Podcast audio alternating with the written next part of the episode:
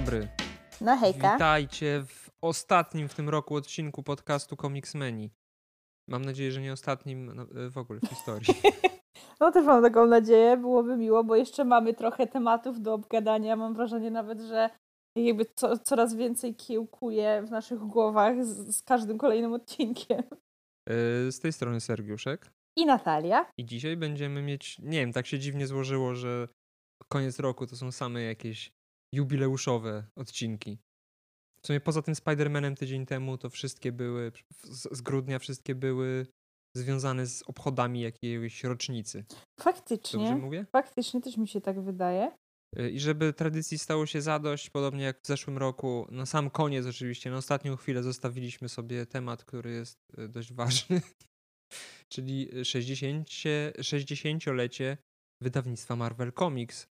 Y, ale stwierdziliśmy, doszliśmy do wniosku, że nie będziemy opowiadać o samym wydawnictwie, bo to są informacje, które można sobie znaleźć nawet w polskiej literaturze, w sensie polskiej, wydanej w Polsce. Bardzo. Albo w internecie. Przynajmniej ja bardzo polecam tą książkę Niezwykła historia Marvel Comics. Również polecam. Jest naprawdę ciekawa. Ciekawa, jest przystępnie napisana.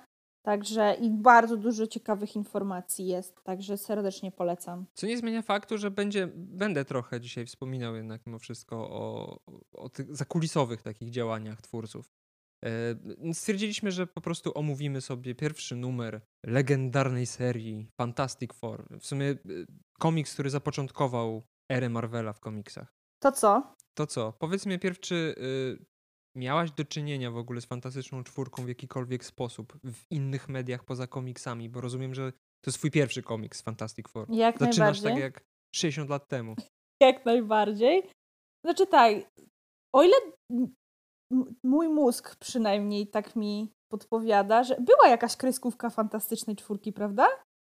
Była w latach 90. na Fox Kids. Tak, bo właśnie ja tak jakby nigdy nie czytałam komiksów, z filmów to pamiętam, że gdzieś tam po prostu przelotem widziałam chyba po prostu parę scen jako dzieciak, czy tam ile ja tam miałam lat, jak wyszła ta wersja, w której grał Chris Evans i Jessica Alba. I w sumie mhm. przede wszystkim to Jessica Alba właśnie jakoś tak pamiętam, ale samego filmu jako całości nie bardzo. Ale tak jakby sam koncept w ogóle tej fantastycznej czwórki, on totalnie nie jest mi obcy. Ja tak kojarzę tą historię, kojarzę też Silver Surfera, że on gdzieś tam był, Pamiętam właśnie, jakie oni tam mieli moce, jak oni się tam nazywali i tak dalej, ale nie jestem w stanie przytoczyć ani jednej takiej właśnie konkretnej produkcji, z którą się spotkałam. Bo to właśnie było na zasadzie, gdzieś coś widziałam jako dziecko. Czyli po prostu funkcjonuje na, na zasadzie współczesnego mitu takiego. No, ka tak. Każdy wie, znaczy każdy, może nie każdy, ale dużo osób kojarzy, chociaż nigdy nie miał styczności z oryginałem. Dokładnie. Więc dzisiaj będziesz miała okazję, y, znaczy miałaś okazję mieć styczność z oryginałem. E, no i na początku powiedz jak wrażenia, bo to jest taki naprawdę stary komiks. Właśnie to muszę przyznać, że y, po tym jak no, ostatnim komiksem, który omawialiśmy, był komiks o Kapitanie Ameryce, który, który był naprawdę młodziuteńkim komiksem, to się trochę. roku. Tak, to się strasznie bałam, że będę miała y, po prostu taki trochę dysonans, że mówię, kurna, jakie to jest stare, i tak dalej, że ciężko mi będzie to, może nie tyle czytać, po prostu patrzeć na to, że no jednak nie oszukujmy się, kreska na pewno jest inna i bałam się, że będzie taka totalnie archaiczna, a moim zdaniem ten komiks jest prześliczny. I naprawdę, tak, naprawdę? tak, tak, on mi się tak podoba, bo, o Jezu, no jest naprawdę śliczny i tak wygląda na mnie tak tak, jak komiks powinien wyglądać. Tak z tych wszystkich dotychczasowych on mi się najbardziej podoba. Tak wizualnie po prostu. Jak, jak zaczynaliśmy we dwójkę y, podcast, to byłem przekonany, że cię szybko zniechęcę do komiksów, a tu się okazuje, że nawet starocia sprzed 60 lat y, robią to wrażenie. Super, bardzo się cieszę. I naprawdę kreska jest wspaniała, jest taka właśnie... Ja tak mniej więcej zawsze wyobrażam sobie komiksy. Czyli Jack Kirby po prostu, no co tu dużo mówić. Widać, że to jest stary komiks, ale właśnie taki stary, ale jary, że tak powiem. I też sposób prowadzenia historii mi się podoba, że nie zaczynamy hamsko po prostu totalnie od origin, jak oni se tam powstali i tak dalej, tylko tak trochę zostajemy wrzuceni, że ta fantastyczna czwórka już gdzieś tam, gdzieś tam funkcjonuje, jakoś tak oni już mają te moce i tak dalej. Są, fajnie są wprowadzone te postacie. Jest fajnie akcja zrobiona, że tak jakby automatycznie się wciągnęłam w to. I tak, i tak okej, okay, dobra, fajnie, fajnie, a teraz mi powiedzcie, skąd się to w ogóle wzięło i tak dalej. I oni bardzo szybko w zasadzie dają takie wtrącenie właśnie, o to teraz może jak już ich zebraliśmy, to wam wytłumaczymy, skąd się to w ogóle wzięło, jak oni otrzymali te moce i tak dalej. I ta historia też mi się całkiem podoba. Także, no, spoko, spoko.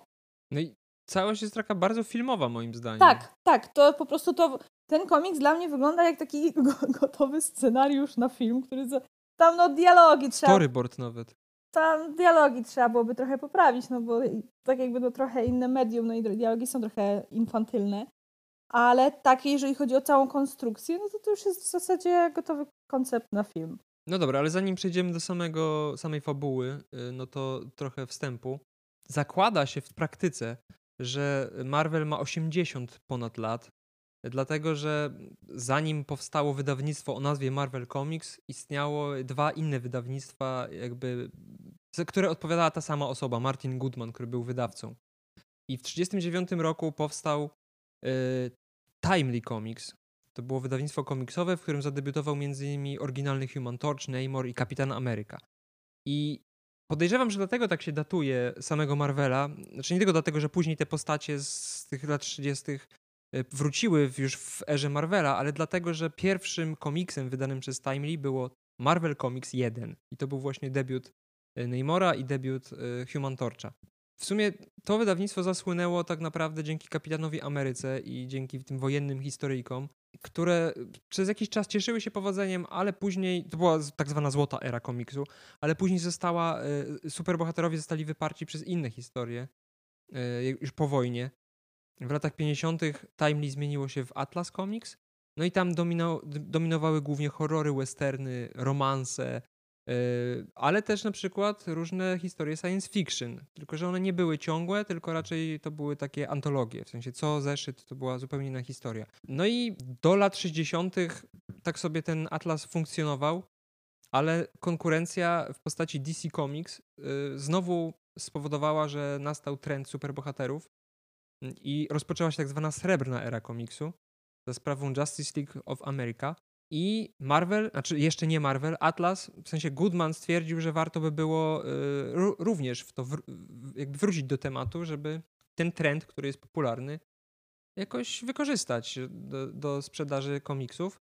Więc nie do końca nie wiadomo, jak tak naprawdę powstała, powstał pomysł na Fantastyczną Czwórkę. Jest taka historia też właśnie w tej książce, o której wspominałaś, przytoczona. Nie pamiętam, czy w książce zostało powiedziane, że to jest fakt, czy to jest raczej na zasadzie anegdoty, E, chodzi mi o to, że w 1961 roku Stan Lee, który był wieloletnim redaktorem naczelnym poprzednich wydawnictw i Marvela, bo żeby właśnie, żeby była jasność, Fantastic Four 1 to nie jest pierwszy komiks Marvela.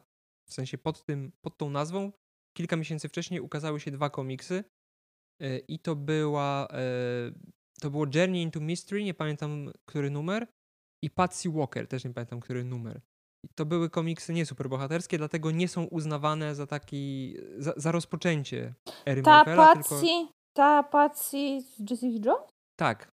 Patsy z Jessica Jones jest bardzo starą postacią, wyprzedzającą y, swoim wiekiem y, wiele postaci, ikonicznych postaci Marvela. Ona po latach dopiero stała się, ona była wcześniej taką bohaterką komiksów rom romantycznych i po latach stała się dopiero superbohaterką znaną jako Hellcat. Ale właśnie tak jakby, bo, yy, bo wspomniałeś wcześniej właśnie o Neymorze i Human Torchu, bo ja nie pamiętam właśnie dokładnie jak to było w tej książce, bo to było wytłumaczone, że tak jakby Human Torch na początku sobie tam sam funkcjonował i tak dalej i dopiero później jak tworzyli Fantastyczną Czwórkę, to go tam dali jako to jednego... inny Human Torch. Właśnie, był, bo tak jakby nie pamiętam. Tak, właśnie nie pamiętam dokładnie, jak to tam, jaki tam był ten proces, że tu mamy samego Human Torcha i mamy Human Torcha w Fantastycznej Czwórce. Więc tak jakby prosiłabym o wyjaśnienie. Więc Human Torch z końcówki lat 30. to była zupełnie inna postać. Y, robot stworzony przez naukowca, który po latach stwierdzono, że można wykorzystać te postacie z... W sumie Fantastyczna Czwórka to zrobiła tak naprawdę. Jack Kirby i Stan Lee uznali, że skoro już kilkanaście lat wcześniej istniały jakieś postacie superbohaterskie, to czemu by ich nie przywrócić na łono nowego wydawnictwa i nie stworzyć takiego poszerzonego świata? W sensie, że te wszystkie wydarzenia, które były w Timely Comics, miały miejsce w tym samym uniwersum, w którym dzieje, dzieje się akcja Fantastycznej Czwórki między innymi. Y, no ale sam Human Torch chyba zginął, z tego co pamiętam, pod koniec tam wojny, czy, czy coś w tym stylu. Tak, chyba coś takiego Y, było. Więc zastąpiono go nowym Human Torchem, który nie był androidem. Oczywiście później ten oryginalny powrócił. No i przy okazji połączono y, oryginalnego Human Torcha z Visionem, bo twórca Human Torcha Androida był też po części twórcą Visiona. Okej. Więc jakby wszystko się za, za, zazębia. E, A Namor tak naprawdę wrócił chyba w czwartym numerze Fantastic Four, więc dość szybko sięgnięto po te stare postacie. Więc one tam gdzieś sobie funkcjonowały. Kilkanaście miesięcy później Kapitan Ameryka powrócił dzięki Avengers, więc jakby po prostu to jest chyba to, co w tym momencie robi Marvel z serialami Netflixa. Tak, tak. Właśnie to odniosło takie samo wrażenie. No dobra, bo zacząłem tej anegdotce, ale jej nie przytoczyłem. Anegdotka polega na tym, że Stan Lee miał się spotkać, inaczej, Martin Goodman miał się spotkać z jednym z szefów y, DC na golfie i podczas tego spotkania y, został poinformowany o tym, że Justice League radzi sobie świetnie i w ogóle jest to nowy rodzaj komiksu superbohaterskiego polegający na tym, że jest drużyna superbohaterów, że a nie nie- przygody pojedynczego superbohatera. Dokładnie, Więc pamiętam Goodman to. stwierdził, dobra, Stanie Lee, zrób mi coś takiego samego, tylko w naszym stylu. Więc Stan Lee, który w tym momencie chciał zrezygnować z y, komiksów po 20 latach swojej, w cudzysłowie, kariery, e, bo zawsze marzył o tym, żeby zostać Gwiazdą. no, chyba pisarzem w sumie, gwiazdą, no tak, gwiazdą. Jemu chyba nie, na, konkretnym, na konkretnej branży nie zależało. Ważne, żeby jego nazwisko było popularne.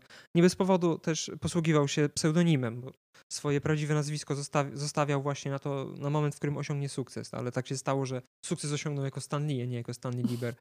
Ironia losu. Więc na odchodne stwierdził, że nic nie traci, nic nie ryzykuje i stworzy taką historię, którą sam by chciał czytać, taką historię, z którą chciał, sam by chciał się utożsamić. Taka przynajmniej jest wersja Stana Lee, bo tak jak wspomnieliśmy wcześniej, yy, twórcą pierwszego numeru i wielu kolejnych numerów przez, przez lata był też Jack Kirby, legendarny rysownik związany z Timely Comics o wiele wcześniej niż Stan Lee, yy, który przez 20 lat, zanim Marvel powstał, rysował różne historie, głównie historie o wielkich potworach, które w tym komiksie też są obecne. Jack Kirby twierdzi, że było trochę inaczej, że to on jest twórcą ca- całości, że on wymyślił te postacie, powołując się na jak- jakąś drużynę superbohaterów z lat 50., którą stworzył dla DC. Yy, No ale nie wiadomo, trudno jest ustalić, jak było naprawdę. Moim zdaniem oni po części dali, dali coś od siebie, bo ja w tych postaciach, y, głó- głównych bohaterach Fantastycznej Czwórki widzę jednak mimo wszystko na tyle, ile znam twórczość Stana Lee, że to jest jednak część Stana Lee, a wiele elementów fabularnych, y, wiele rozwiązań fabularnych i te wielkie potwory między innymi i taka mitologiczna, mitologiczny ton tej historii to jest Jack Kirby, więc oni Czyli po prostu dali, Czyli jak nie wiadomo zwykle, w jakim stosunku, jak zwykle prawda leży po środku, mniej więcej. tak, nie, jakby nie wiadomo w jakim stosunku oni dali od siebie tutaj inwencję twórczą, ale moim zdaniem nie jest tak, że, że Stanley przywłaszczył sobie e, w tym wypadku twórczość Kerbiego i powiedział, że to jest jego pomysł. Ja, uważam, że to było inaczej, tym bardziej, że wtedy też powstało coś, co się, co się nazywa metoda Marvela, która polegała na tym, przez wiele lat obowią- obowiązywała w Marvel Comics, że scenarzysta wymyślał zarys fabularny, spisywał to na kartce, przekazywał rysownikowi, rysownik na podstawie tego tworzył rysunki, zostawiając dymki do uzupełnienia scenarzyście, który mając jakby gotową historię uzupełniał to dialogami. Więc tak wyglądało tworzenie komiksów na początku istnienia Marvela i przez to ciężko jest powiedzieć, kto jest de facto scenarzystą, a kto... W... No bo rysownik też miał duży wkład w fabułę mi- mimo wszystko. Wiadomo, że za...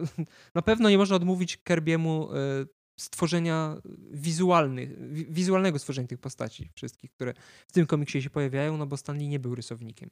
Więc tak wygląda y, mniej więcej geneza y, Fantastycznej Czwórki i no i po części też liznę, liznęliśmy też tą historię samego Marvela. Więc możemy przejść teraz do komiksu, który ukazał się w listopadzie 61 roku. Właśnie chciałam zapytać, który to był rok, bo jak 61. zwykle nie ma tu informacji. No skoro mówimy o sześ- 60-leciu Fantastycznej Czwórki Marvela, to Good point, 61. ale ja nie, nie umiem liczyć. Ja nie umiem liczyć. no ja rozumiem od doskonale, czasu, bo kiedy tylko zdałam potrafię. maturę, to ja i matematyka przestałyśmy mieć ze sobą jakąkolwiek styczność. No, ogólnie, no mówię, mi się bardzo podobał ten komiks. To chyba z tych wszystkich, które do tej pory omawialiśmy, jest jeden z tych, które mi się podobały najbardziej, mimo że on jest bardzo prosty, tak? Ma prostą tą fabułę i tak dalej, ale taką no właśnie wciągającą, angażującą, te postacie są fajne, bardzo mi się podoba ich origin y, i sposób, w jaki oni zostali wprowadzeni w tym komiksie. A co powiesz o okładce, która jest jedną z najbardziej ikonicznych okładek Marvela i w ogóle komiksu superbohaterskiego, do której odnoszono się wielokrotnie w różnych mediach, parodiując albo składając hołd. Czy w ogóle kojarzysz ten rysunek? Nie, właśnie miałam to powiedzieć, że kompletnie. Może teraz wyjdę na ignorantkę, ale mówię, tak jakby pierwszy raz, pierwszy raz widziałam. Ale no jest fajna, no. Taka fakt faktem zapadająca w pamięć? Może powiedzmy, co, co jest na tej okładce. Bo może są też osoby, które nie widziały jej. A jest to naprawdę dość znany rysunek. No mamy pana dużego potwora, on się Mo Mol Molmen nazywał, tak? Nie, ten duży potwór to po prostu jakiś tam potwór. Dobra, bo już mi się pierdzieli. A więc tak, no mamy dużego pana potwora i mamy całą fantastyczną czwórkę. Human Torch bardzo śmiesznie to wygląda, kojarzy mi się z Feniksem. Właśnie, mam tak... Tak, bo na początku był taki bardzo płomienisty. Później się... Później te płomienie zostały wygładzone. A szkoda, bo są zajebiste. I właśnie chciałam zapytać o jedną kwestię, no bo w tym komiksie tak jakby zostaje zaznaczone, że tak jakby Human Torch działa podobnie jak Hulk, tylko że no, u Hulka to jest na zasadzie, że jak Bruce Banner się zdenerwuje, to się zmienia w Hulka, a tutaj jak się pod, tam, może jak się podnieci, to jest tak jakby ekscytacja u niego sprawia, że się zmienia w Human Torcha. To musi być bardzo problematyczne życiowo. Znaczy później to zostało trochę zmodyfikowane i później wszyscy członkowie Fantastycznej Czwórki Na zyskali pełną kontrolę nad mocami, oprócz Thinga, który był po prostu jakby pełnił rolę tego przeklętego bohatera mhm. w, tej, w, tej, historii, w tej, Ale w tej no, mówię, rodzinie. Rozbawiło mnie bardzo to, że no, jakby przede wszystkim w życiu prywatnym musi być to bardzo problematyczna kwestia. No, no mamy właśnie tego pana potwora, który trzyma Invisible Woman, która jest do połowy, od pasa w dół jest niewidzialna. W ogóle bardzo mi się Przepraszam pod... bardzo, wtedy jeszcze Invisible Girl, ona dopiero po 20 latach istnienia postanił się żoną i matką dwójki dzieci, zmieniła pseudonim A, na Invisible Woman. I, ale zobacz, i właśnie to jest piękne, że tak jakby ja niby nie miałam za bardzo styczności do tej pory z fantastyczną czwórką i tutaj przecież ona jest w tym komiksie na, na, nazywana i nawet jest na tej okładce napisane Invisible Girl, ale ja ją jakoś tam już kojarzyłam już zawsze jako Invisible Woman. Widzisz, jak pięknie to działa? No, w ogóle bardzo mi się podoba, jak jest przedstawiana jej niewidzialność. W sensie, jak to jest po, po pierwsze, jak to jest narysowane, mhm. jak ona jest niewidzialna, a, ale też po prostu jak właśnie są te kadry, w który, które mają ukazać to, że ludzie faktycznie jej nie widzą. No to są przede wszystkim zabawne bardzo. No, akcja z taksówkarzem, który nie przyjął pieniędzy, bo się przeraził, to nagle mu pieniądze lewitują i słyszy jakieś głosy i myśli, że zwariował. No to też jest stały element Marvela. E, humor to jest coś, co zawsze towarzyszyło Marvelowi, temu, temu Marvelowi już pod szyldem Marvel Comics. Więc jakby ten komiks ma dużo elementów, które później się będą, do tej pory się pojawiają w zasadzie, bo stały się takim nierozerwalnym, nierozerwalną częścią tego uniwersum. I to jest fajne, w sensie tak jakby jeszcze bardziej podkreśla to, jak ważny jest ten komiks, tak, że bardzo ukształtował to Marvela, jakiego znamy dzisiaj. Ale mówię, naprawdę bardzo, no, z takimi postaciami, które właśnie, a to ma być niewidzialna, czy coś w tym stylu, no prawda jest taka, że jest zwłaszcza na papierze, trudno jest w sensowny i przede wszystkim fajny sposób to pokazać. Bo no, filmy to już trochę masz większe pole, do, po, większe pole manewru, a tutaj mi się to bardzo udało. I bo to właśnie jak sięgałam po ten komiks, to była jedna z rzeczy, które mnie najbardziej ciekawiły, bo tak, tak jak mówiłam, pamiętałam, jak, wiedziałam, jakie oni, jakie oni mają te moce i tak mnie właśnie zastanawiało, jak oni to kurna w komiksie na papierze pokażą, że ona jest niewidzialna. Znaczy niewykluczone, że tego typu przedstawianie niewidzialnych postaci istniało wcześniej, no bo jakby no. komiksy żyły kilkadziesiąt lat już wtedy. E, nie wiem. Czy ja nie czy mówię, że Marvel to wymyślił, tak, nowatorskie? tak, Boże, mówię tylko, że bardzo fajnie zostało to wykorzystane. Jasne, jasne.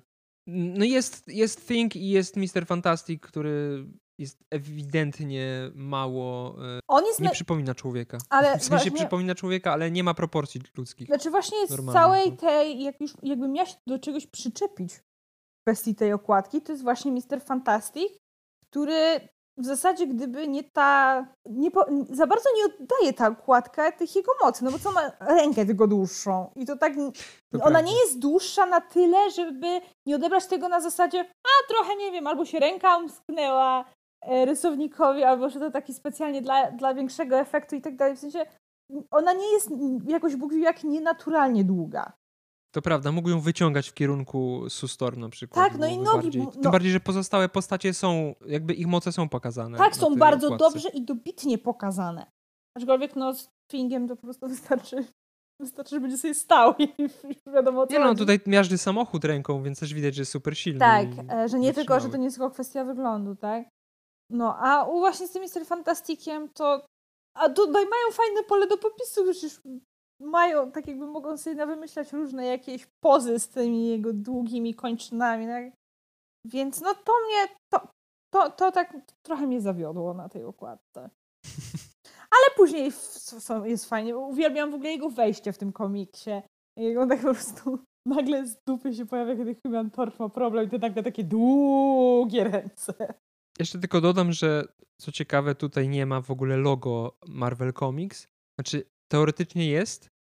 Y, Pod znaczkiem y, kodeksu komiksowego jest takie MC w prostokącie i to, to przez jakiś czas było logo Marvela. Właśnie w ogóle nie zwróciłam uwagi na to, że faktycznie nie daje ci to po twarzy, że to jest yy, komiks Marvela.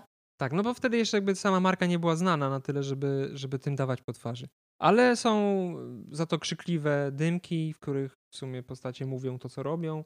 I jest y, taki, taka, taka plansza, na której są wypisani wszyscy bohaterowie.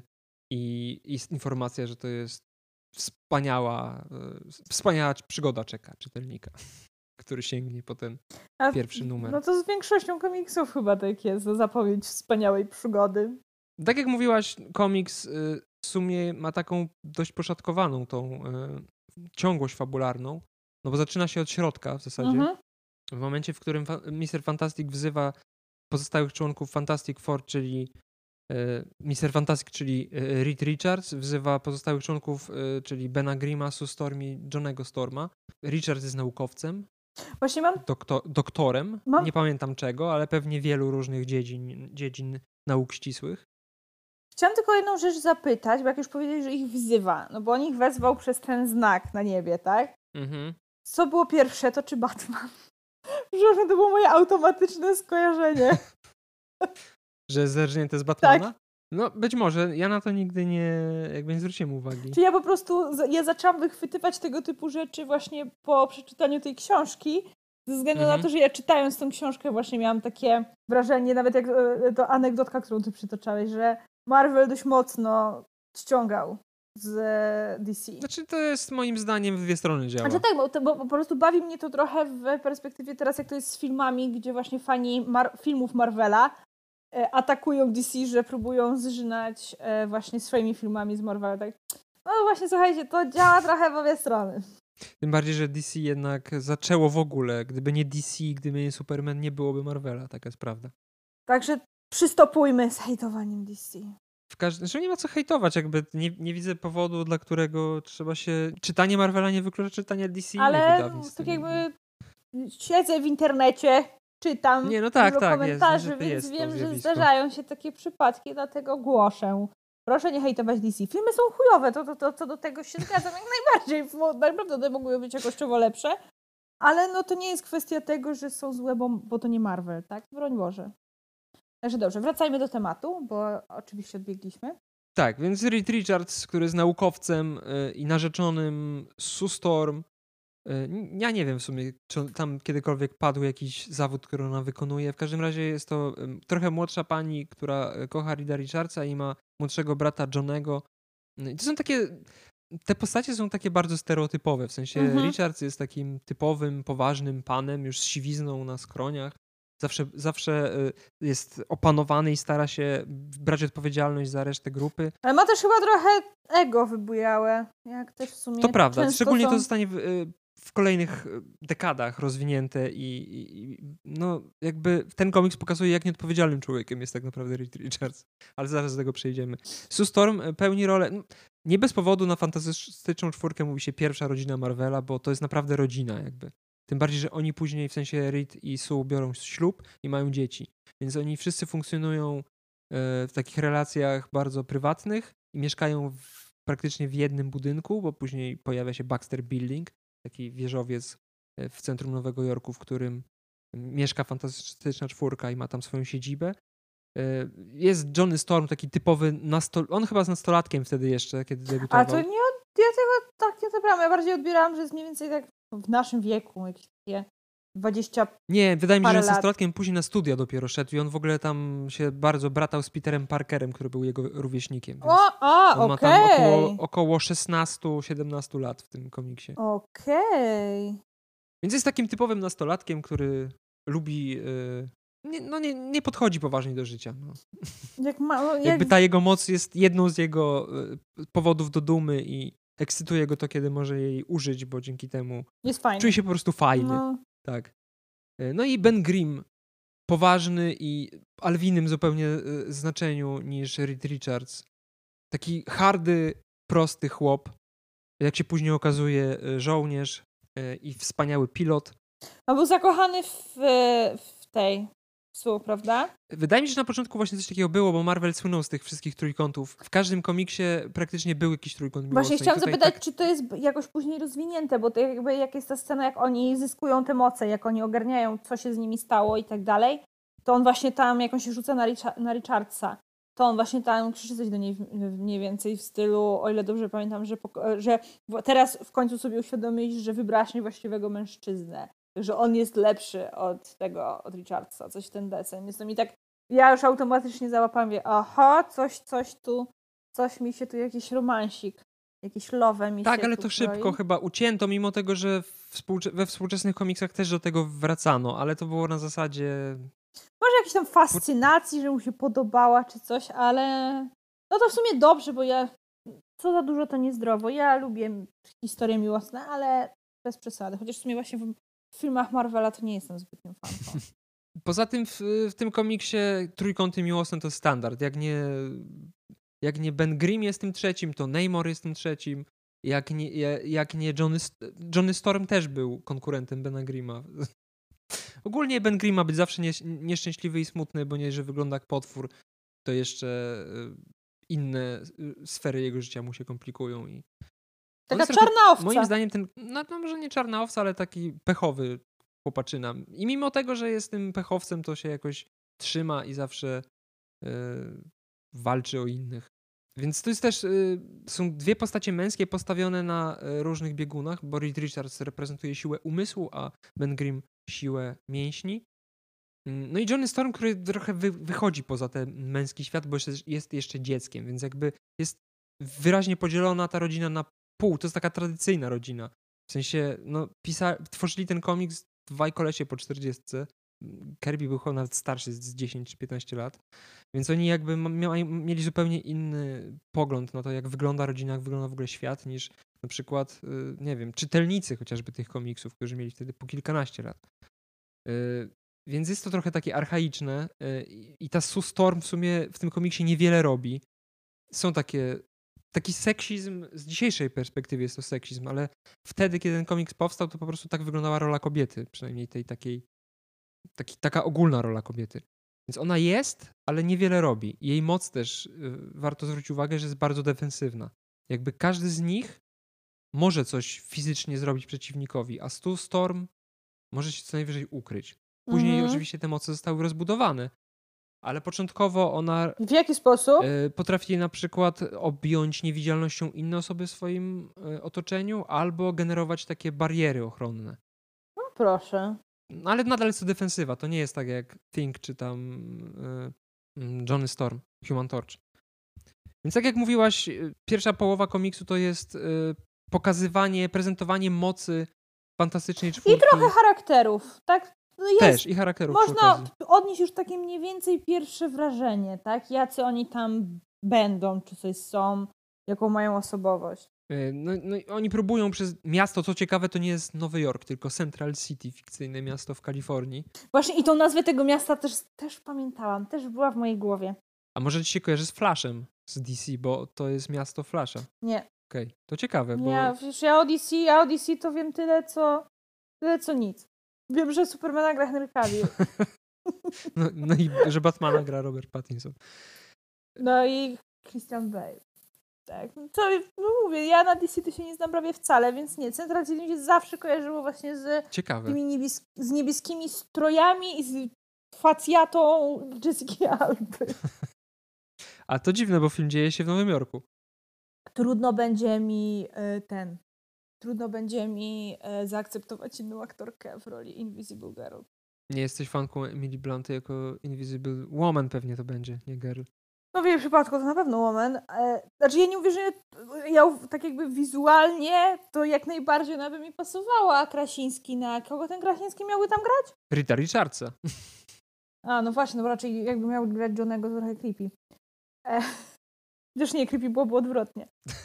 E, tak jakby miało, miało być jak Grzotron, że siostrę tego Tiona, co mu tam jajca obcięli, miała grać Lily Allen, ale jak właśnie Alfie Allen to rolę Tiona, to, a oni mieli scenę, jak on się do niej dobiera, oni są w rzeczywistości rodzeństwem, stwierdzili, że to już byłoby za dużo.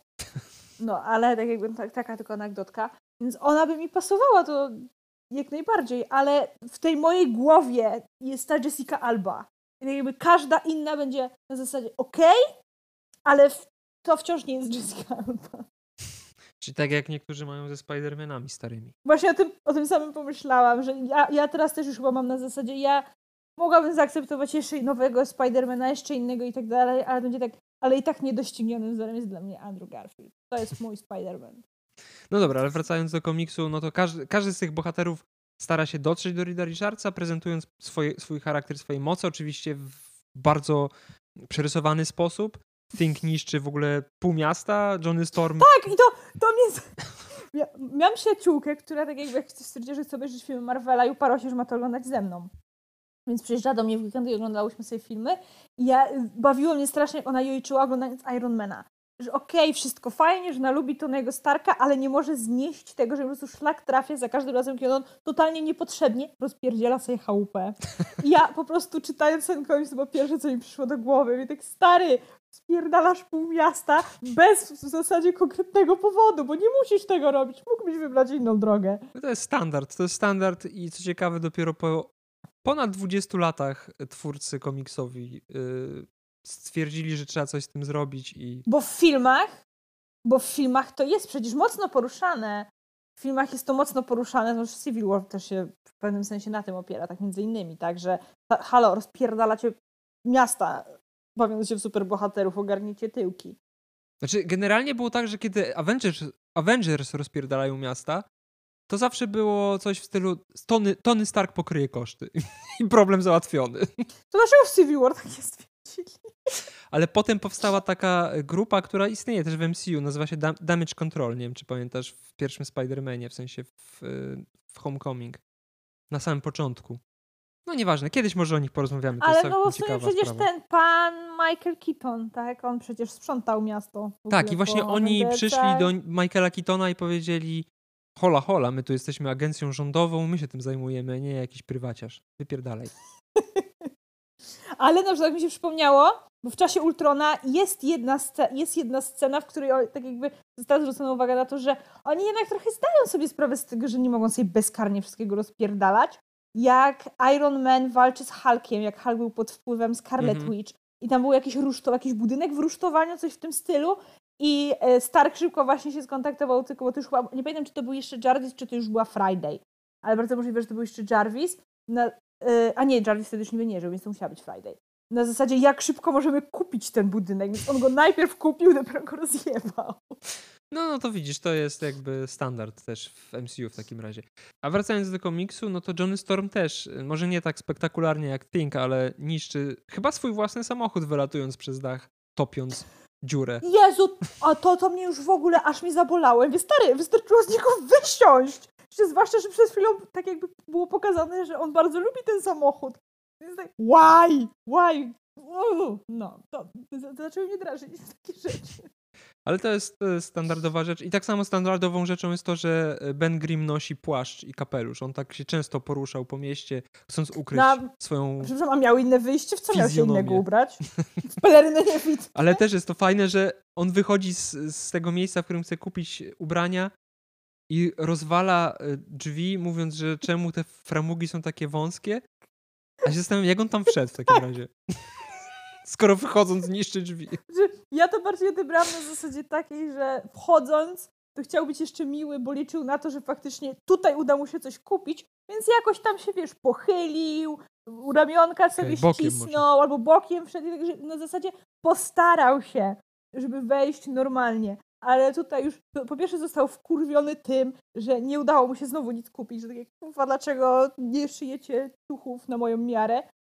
E, No i jeszcze, że tak jakby trochę mu się spieszyło, więc stwierdziła wyjebane, tak i wychodzę razem z drzwiami. Bo on się nawet, o ile dobrze pamiętam, on się nawet na tym kadrze właśnie, nie wiem, on się chyba nie pochylił nawet, po prostu Ale to też jest jakby, to, to zostało z tą postacią i on bardzo często właśnie niszczy wszystko w koło. E, No i dochodzimy do kulminacji, czyli do e, origin story fantastycznej czwórki, w której dowiadujemy się, że, że Reed Richards pracował przez długi czas nad rakietą kosmiczną. Nie wiem, czy chyba nie zostało powiedziane, w jakim celu ta rakieta miała polecieć w kosmos. Znaczy ogólnie zostało, jedyne co zostało powiedziane to na zasadzie, bo musimy być pierwsi, pierwsi niż komuniści. Po prostu. Tak, bo ogólnie ten komiks y, wyszedł w okresie dość takim gorącym w, w czasie zimnej wojny, no bo kilka miesięcy wcześniej Gagarin poleciał jako pierwszy człowiek w kosmos. Więc wydaje mi się, że tutaj raczej już chodzi o zdobycie księżyca, czy tam, nie wiem, jakiejś innej planety. Nie, nie, nie wiem, co, co, co wtedy Amerykanie sobie tam o czym marzyli. Ale nie, w komiksie nie zostało to tak jakby stwierdzone, bardziej na zasadzie sam fakt bycia już w tym kosmosie. Tak jakby na tym, ja, przynajmniej ja to tak odebrałam, Tak. że na tym Richardsowi zależało, że po prostu, że oni mają się znaleźć w tym kosmosie i tyle. Nie być może Gagarin w y, komiksach Marvela nie istnieje po prostu i tutaj jest jeszcze sytuacja, w której po prostu Amerykanie mają szansę być pierwsi. Y, I tam też pojawiają się Mars Marsjanie, jak widzą w Thinga chyba mówią ludzie na ulicy, Tak, że o, Marsjanin. Tak. Więc jakby też ten komiks jest fajny z tej, z tej y, perspektywy, Umiejscowienia w czasie, tak? W naszym czasie. tak, że można zobaczyć, czego się bali ludzie w tamtym okresie. Co w sumie teraz może się wydać śmieszne, ale pragnę przypomnieć, że 21 lat temu ludzie bali się, że świat wybuchnie, bo nastąpi rok 2000 i komputery sobie nie, po, nie poradzą No, ja nigdy nie zapomnę przecież zbiorowej histerii y, 21 na 22 grudnia 2012 roku. Ja nawet do tej pory pamiętam, ja byłam wtedy w klubie. No Ja tak, byłam wtedy w klubie, tańczyłam z koleżankami i ja niby tak gadałam, że nie wierzę, nie wierzę, ale taki cień... ale miałaś nadzieję. Nie, wtedy jeszcze, to jeszcze czasy, kiedy byłam nastolatką, życie jeszcze mnie nie sponiewierało i wtedy, i wtedy jeszcze nie liczyłam na koniec świata, tylko właśnie bardziej się go bałam. I tak trochę, część mnie jednak trochę się obawiała, a co jednak, a co jeśli jednak? I pamiętam sobie, tańczymy, tańczymy, tańczymy i ja nagle spojrzałam na zegarek i takie laski! Już po! Nie było końca świata. Ale śmiałyśmy się, że boimy się, że jak wyjdziemy z tego klubu, to się okaże, że tylko my przeżyliśmy, że świat się naprawdę skończył. Albo tak naprawdę nie żyjemy i to jest tylko... Tak. Zaświaty to są. Dokładnie. Ale wracając do genezy fantastycznej czwórki, Reed Richards wpada na wspaniały pomysł, żeby wykraść rakietę, nad którą pracował, po to, żeby polecieć w kosmos Nieważne, że z jeszcze załogą. Ben mu powtarzał, nie jesteśmy jeszcze gotowi, wstrzymaj się. Nie, kurwa, muszę być pierwszy niż komuniści. Po prostu. Z załogą złożoną. y, No, Ben jest pilotem, okej. Reed Richards jest tylko naukowcem, chociaż tam był chyba żołnierzem. A oprócz tego jest narzeczona e, Rida i jej nastoletni Tak, i brat. to nawet jest, O co to chodzi? jest nawet właśnie wspomniane Dlaczego? w kadrze. Jak on mówi, że tak jakby, dobra, ja i Ben, no to wiadomo, ale Sud, ty jesteś pewna? Tak jakby stara. No, oczywiście. Ona mówi, jesteś moim niej to było na Tak, to narzeczonym. było na zasadzie jak Jack i Rose w Titanicu. Przepraszam, oglądam święta Titanica, więc muszę nawiązać. I tak, you jump, I jump. To, to, dokładnie to samo. A Johnny stwierdził, no gdzie idzie moja siostra, to ja lecę za nią, jak to na młodszego brata przystało. Więc no. Więc tak się zakradli do bazy wojskowej amerykańskiej i polecieli w kosmos, mimo tego, że e, Ben mówił o promieniach kosmicznych, które są być może niebezpieczne, ponieważ nadal niezbadane. Tajemniczych promieniach, promieniach kosmicznych, które w tamtym czasie chyba były rzeczywiście jakąś tam obawą wśród ludzi ówcześnie żyjących. Nie wiem. nie żyłem wtedy jeszcze. Ale ludzie w kosmosie to nie, nie były, nie, nie był tak częsty, nie było tak częste zjawisko jak teraz. No i oczywiście obawy się potwierdzają, no bo te promienie kosmiczne działają na organizmy naszych głównych bohaterów i rakieta wraca na Ziemię, ląduje awaryjnie i po wyjściu z, tej, z tego pojazdu okazuje się, że każdy z członków załogi zyskał niesamowite nadludzkie moce. Więc dla tych, którzy jeszcze nie wiedzą, Mr. Fantastic, bo taki pseudonim Właśnie ja pierwsze co Richards. pomyślałam, mówię, Boże, jak jeden człowiek, ten człowiek ma ego jeszcze większe niż Tony Stark. Oni wszyscy sobie wymyślili takie, no w zasadzie normalne, u niej to jest logiczne, tak jakby jej ksywka jest dosyć logiczna Tak. przede wszystkim, bo u niej jako pierwszej się objawiły jej zdolności. Mhm. Jak ja bym ześwirowała, gdybym ja po prostu zaczęła znikać. Ja przede wszystkim też na miejscu tego jej brata i narzeczonego bym ześwirowała, że tak jakby, no bo jej nie ma, nie widać, tak jakby to znikła, Tak. znikła kompletnie na jej miejscu, tak Że wyparowała, a nie, że stała się tak, że jej po prostu nie ma. I dobra, jak się zaczęła odzywać, no to już luz, ale na zasadzie, no wyobraź sobie mieć niewidzialną narzeczoną, której nie widzisz, to trochę słabo. Ja na jej miejscu, Niewidzialna narzeczona brzmi jak tytuł jakiegoś chujowego sitcomu z lat to było, 60. albo takiej du- durnej komedii romantycznej z Adamem Sandlerem. Albo z, przepraszam. Benem Stillerem. Ben Stiller mi najlepiej do takiego filmu pasuje. No, ale no ja bym ześwi- Jako narzeczona. ześwirowa ześwirowałabym strasznie. No ale tak jakby u niej taksywka jest logiczna. U tego, u Human Torcha w zasadzie też, on zresztą sam na to wpadł. No The Thing stwierdził, że będzie się tak nazywał, bo go tak nazwała. To kolejny, kolejna wskazówka na jakieś tam love. A ten, dobra, a ja będę Mr. Fantastic. I od, te, I od tej pory my się nazywamy Fantastic Four, bo ja się nazywam Mr. Fantastic. Kurwa stary. Ale w ogóle też jest fajne to, że, że, że Ben Grimm został nakłoniony tym, że Su go nazywała tchórzem. Wa- I dlatego stwierdził, dobra, to ja tchórzem, nie chuja, pojadę Tak, ja właśnie tak, ja to tak odebrałam, że taki, a, czyli taki ziomeczek spod bloku. Tak, ja tego nie zrobię, ja tego nie zrobię. Potrzymaj mi bramca. Tak, bo on trochę taki był, on w młodości, w młodości był członkiem gangu. A, no to słuchaj, Do tego może kiedyś przejdziemy. to wiele wyjaśnia. W każdym razie Sue Storm stała, stała się niewidzialna i potrafi znikać jakby, być niewidzialna dla, dla ludzkiego oka. Jak Harry Potter pod peleryną niewidką. Tak, tak. Thing zmienił się w pomarańczowego potwora, który wygląda trochę jakby z, był zrobiony z kamieni albo cegieł, razu pomyślałam albo o czegoś korgu. takiego. Od razu. Tak, Mister Fantastic potrafi manipulować swoim ciałem, w sensie ono jest bardzo elastyczne. Jak, przepraszam, też Może nawet zmieniać się w spadochron. mam... A, to, czyli to nie jest tak, że on tylko się rozciąga, jak to od razu też moje skojarzenie dalej, dalej ręko gadżeta, tak jak e, inspektor Nie, nie, on Gadżet. po prostu może całkowicie powierzchnią ciała manipulować i na przykład częstym trikiem Mi- Mister Fantastika jest oplatanie kogoś, ale nie tak, że samymi rękami, tak jak w tym komiksie, tylko robienie się takiej płachty jakby. Albo zmienia się w taką piłeczkę O! i, tą, i, i cię toczy i pod nogi przeciwników wpada i oni się przewracają. Czyli e, ogólnie Sue Storm e, tak jakby może czuć się bezpiecznie, że przynajmniej nie skończy tak jak Gwen Stacy. Tak, tak, a- raczej Że jak nie. będzie spadała, to po prostu jej chłop zrobi z siebie płachtę i spadnie na tą płachtę, wszystko będzie super. Gdzie byłeś, Ridzie Richardsie, kiedy Spider-Man cię potrzebował? Przepraszam, ja wciąż przeżywam trochę Spider-Man. Proszę. No i Human Torch, który potrafi e, zmieniać się w ogień. Właśnie to nie zostało chyba nigdy do końca powiedziane, bo on jakby ma tą formę ludzką, ale jest pokryty tymi płomieniami, a jednocześnie w tym komiksie jest. Czy on się w ogóle zmienia w No w tym płomienie? komiksie chyba był pomysł oryginalnie taki, żeby on się zmieniał w płomienie i miał tylko taki płomień w kształcie człowieka, że był takim płomieniem w kształcie człowieka, bo mówi, że staje się lżejszy od powietrza. Tak, czyli to nie jest na zasadzie, że jego Dlatego ciało się pokrywa płomieniami, on się po prostu zmienia w ten płomień. No to ma sens właśnie z tym, co ty powiedziałeś, że on stał się lżejszy od powietrza i on dlatego może latać. Ale w kolejnych komiksach to już zostało zmienione i on po prostu był jakby pokryty tym ogniem i mógł na przykład dowolną część ciała sobie od tego ognia e, odsłonić i trzymać kogoś za rękę i lecieć z tą osobą. No, w, sensie, to w jaki sposób lata z fizycznego punktu widzenia chyba nigdy nie zostało sprecyzowane. Znaczy, bo to ma trochę mniej bez sensu, właśnie. i Jest mniej fajne niż ta pierwsza opcja, ale z drugiej strony jest bardziej praktyczne właśnie dla twórców komiksowych.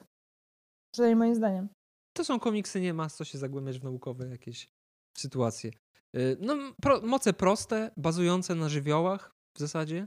No bo jakby Sue Storm jest powietrzem, Ben jest y, ziemią, Human Torch ogniem, a Mister Fantastic niczym woda przybiera różne kształty. Kurwa, faktycznie, Więc nie pomyślałam o tym nigdy. uniwersalne rzeczy. Ale super!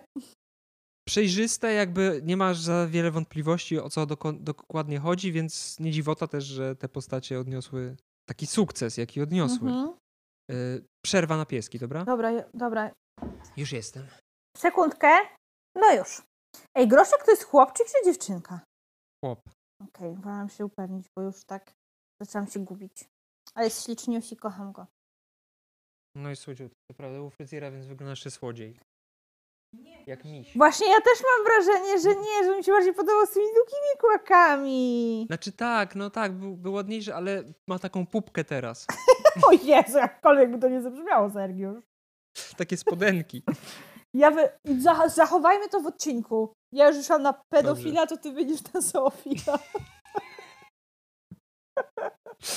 E, a wracając do naszego komiksu, po jakby zdaniu sobie sprawy z tych mocy, główni bohaterowie stwierdzają, że muszą wykorzystać tą swoją wspaniałą y, te swoje wspaniałe umiejętności po to, żeby bronić innych i tak, w ogóle czwórką. to mi się podobało, że to było pierwsze, co im w ogóle przyszło do głowy. Tak, tak, od razu to zostało stwierdzone. Dobra, czyli mamy to wykorzystać, żeby pomagać ludzkości. Tak z miejsca od razu.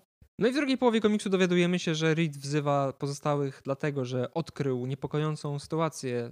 Y, na całym świecie znikają elektrownie atomowe.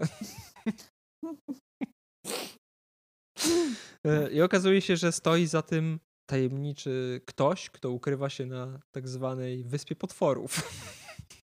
Tutaj już się pojawiają takie bardzo, bardzo, y, bardzo takie wątki z komiksów, które tworzył Jack Kirby, z tych wszystkich dziwnych antologii o wielkich potworach, te fabuły wyglądały mniej więcej tak samo. Wielkie mrówki atakują Nowy Jork, albo nie wiem, pterodaktyle, które przyleciały do Los Angeles.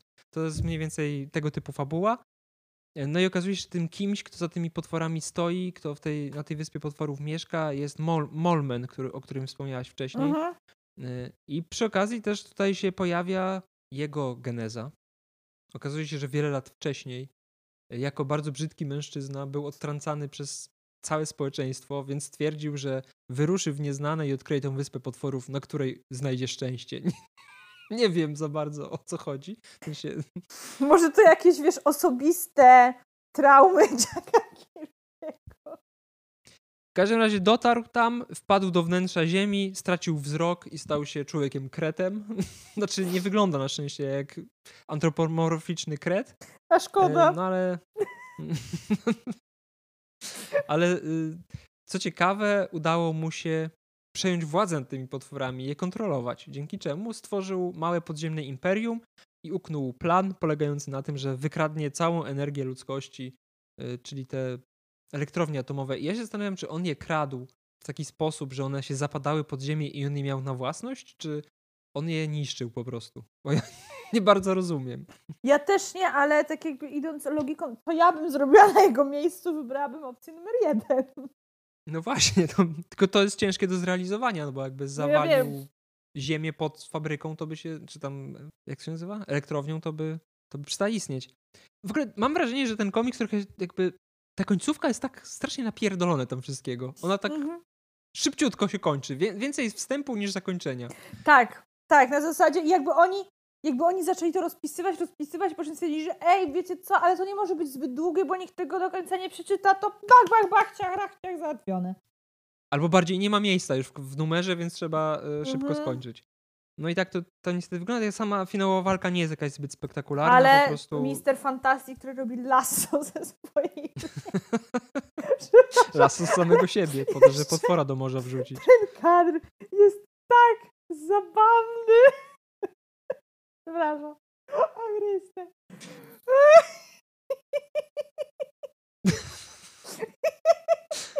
Kto by pomyślał, że tak cię rozbawi? Tak. Komiks sprzed 60 lat. O matko y, święta. No. W każdym razie główni bohaterowie wykorzystują moce po to, żeby y, pokonać Molmena i jego potwory. Przy okazji okazuje się, że... Tym razem popłakała się ze śmiechu, nie z, ze wzruszenia. Znowu płaczę odcinku. Dobrze, już się uspokajam. Proszę bardzo, możesz się cieszyć. o Chryste, teraz znowu zaczęłam się śmiać, bo sobie przywijam, żeby się jeszcze bardziej pośmiać. Kurwa, Johnny zrobił sobie z niego spadochron. Jak ja bym chciała, jak ja bym chciała mieć takiego kumpla, z którym mogę zrobić co chcę. Chcesz sobie usiąść, no stoicie, moc. stoicie w kolejce, chcesz sobie usiąść, robić sobie z niego krzesło. O Jezu, Po, do- zdradzę tylko, że y, komiksowa Miss Marvel ma podobne moce i był tak, by- była taka sytuacja, w której faktycznie zmieniła się chyba w fotel, żeby ukryć się przed kimś tam. Dobra, możemy kontynuować. Przy okazji okazuje się, że Molmen y, ma moce takie trochę jak Daredevil, bo mimo tego, że nie ma wzroku, to wszystkie pozostałe zmysły są Wyostrzone. bardzo dobrze rozwinięte i y, zmusza Rida Richardsa do walki na kije, żeby pokazać mu, jak jest zajebisty. Co nie wiem po co, to, kompletnie nie rozumiem po co to jest, ale... dla, dla żartu, żeby było śmiesznie. No i kończy się cała historia tak, że fantastyczna czwórka y, wyswobadza się z, z tej niewoli Molmena, do której wpadła z, w sumie z własnej winy trochę. Johnny Storm za pomocą swojej mocy jakby pieczętuje wejście do tej podziemnej krainy Molmena i te potwory nie mogą z niej już wyjść. No i e, okazuje się, że mimo tego, że wcześniej Reed Richards zabrał ze sobą Molmena, to nagle go zostawił i już go nie, nie wziął na pokład samolotu, którym przyleciała fantastyczna czwórka na miejsce. E, I odlatując, wyspa wybucha w eksplozji potężnej, chyba atomowej, co ma być takim zakończeniem, e, w sensie ucięciem wątku Molmena, chociaż w tym e, dymku narracyjnym jest sugestia, że być może jeszcze wróci. A wrócił? Oczywiście, że wrócił. Jest jednym z klasycznych przeciwników e, Fantastycznej Czwórki i mimo tego, że na hasło Fantastyczna Czwórka większość osób reaguje automatycznie doktorem Dumem, który jest chyba najbardziej znanym Właśnie e, ja, złoczyńcą. ja muszę sobie o nim poczytać, bo kurwa, on ma tak zajebistą tą ksywę. Ja muszę wiedzieć więcej o nim, bo... o Będziesz miała okazję. Obiecuję. Ja czekam. i- e, Są pogłoski, że on się ma się pojawić w tym. No bo jak Fantastyczna Czwórka, to i No, Doktor Doom, no wiadomo. no- Chociaż ja osobiście wolałbym, żeby w pierwszej części Fantastic Four pojawił się Molmen. Byłoby Ale- zajebiste. Bo, byłoby, bo przynajmniej byłoby śmiesznie. Ale z, racji tego, że u nas czasami lubią jednak tłumaczyć ksywki superbohaterów z uczyńców, ja, jak obstawiasz, jakby przetłumaczyli doktora Duma? O nie, nie chcę. Nie chcę nawet wchodzić w umysły tych ludzi, którzy odpowiadają też za te W tłumaczenia. sumie, dobra, nie przetłumaczyli nam doktora Dziwago, więc nie ma co na nich... Nie, Doktor Doom, Doktor Doom jest tak popularną postacią, że nie ma sensu tłumaczyć jego pseudonimu. W sensie on funkcjonuje po prostu jako Doktor Doom, więc raczej tego nie zrobią. To byłoby śmieszne. Ale człowiek, człowiek Kret się na przykład pojawił w polskiej wersji kreskówki Fantastyczna Czwórka. Ja jak, ogląd... był pierwszy odcinek ja jak oglądałam Avengersów z lektorem, to Hawkeye był normalnie tłumaczony na Sokole Oko. A ten, a ten Sam Wilson jako Falcon też był tłumaczony. Jako Sokół. Tak, ale why? Fajnie. Nie wiem. Więc tak się e, prezentuje ten piękny komiks. Cieszę się, że ci się podobał. Cieszę się, że mimo tych różnych dziwnych wad w e, fabule i w, w ogóle w całej tej historii, no, nadal uważasz, że jest to wartościowa rzecz. Tak, on jest taki Bo też tak uważam. sympatyczny, fakt faktem jest taki trochę infantylny, bardziej na, to jest na zasadzie taki komiks, który jest skierowany właśnie do bardzo szerokiego grona odbiorców, także może go przeczytać osoba w naszym wieku, ale może go przeczytać też dzieciak i go zrozumie i będzie mu się podobał, ale właśnie to jest nim fajne, że mimo wszystko, że on, bo tak jakby często bardzo trudno jest stworzyć coś, co ma docierać i do dorosłych, i do dzieci, a tutaj to się sprawdza i się klei i mi się podoba i ja jestem zadowolona. Znaczy ja myślę, że stoi za tym arche, archetypiczność tej historii, bo tak, jest tutaj dużo takich wątków biblijnych, mitologicznych, takich nawet z popularnej kultury. Frankenstein, King Kong, Wyspa Doktora Moreau, Podróż do wnętrza Ziemi. Są te różne elementy takich klasycznego science fiction i mitologii wciśnięte w ten komiks i dlatego to prawdopo- prawdopodobnie działa, bo Mhm. odnosi się do czegoś, co dobrze znamy.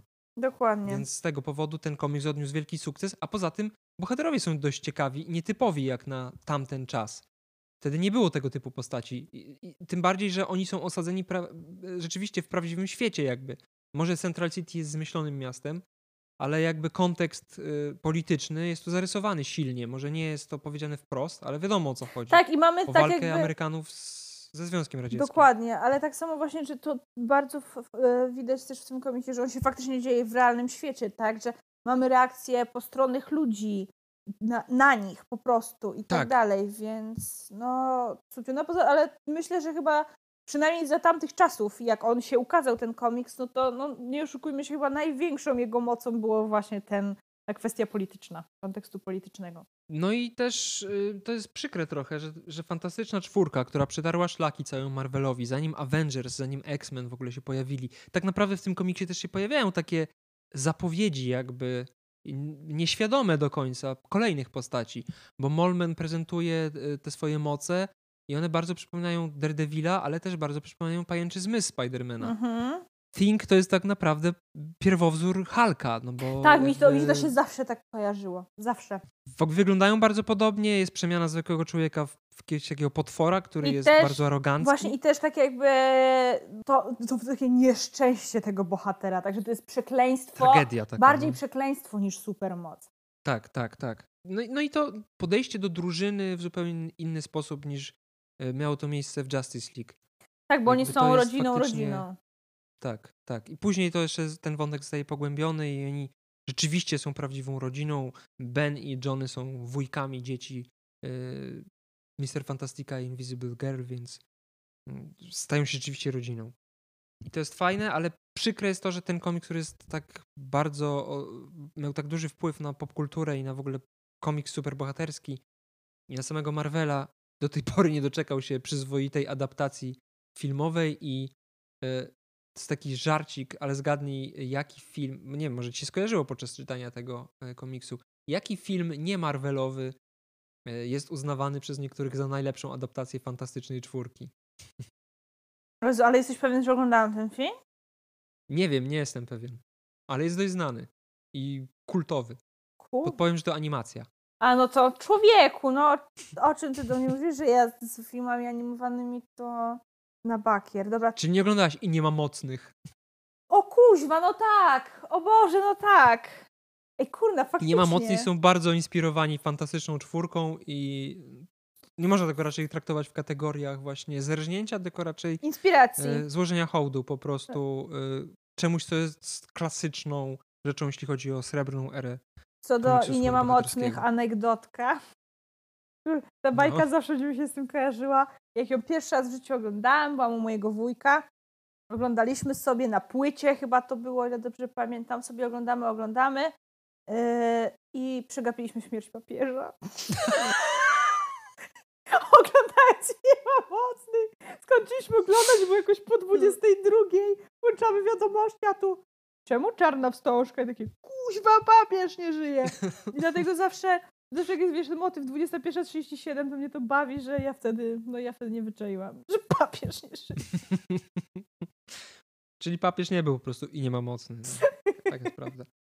No, ojejku. No, y, więc tak uczciliśmy 60-lecie Marvela. W zasadzie to jest 60-lecie Fantastycznej Czwórki, która zbliża się na duży ekran po raz trzeci. Miejmy nadzieję, że to już będzie taka naprawdę fest, fest. porządna adaptacja E, czegoś, co zasługuje na to po prostu. Bo nie wiem, jakoś tak się przyjął przez te filmy, że Fantastyczna Czwórka jest chujowa, a prawda jest taka, że zanim powstały filmy na podstawie tego komiksu, to była bardzo popularna wśród czytelników.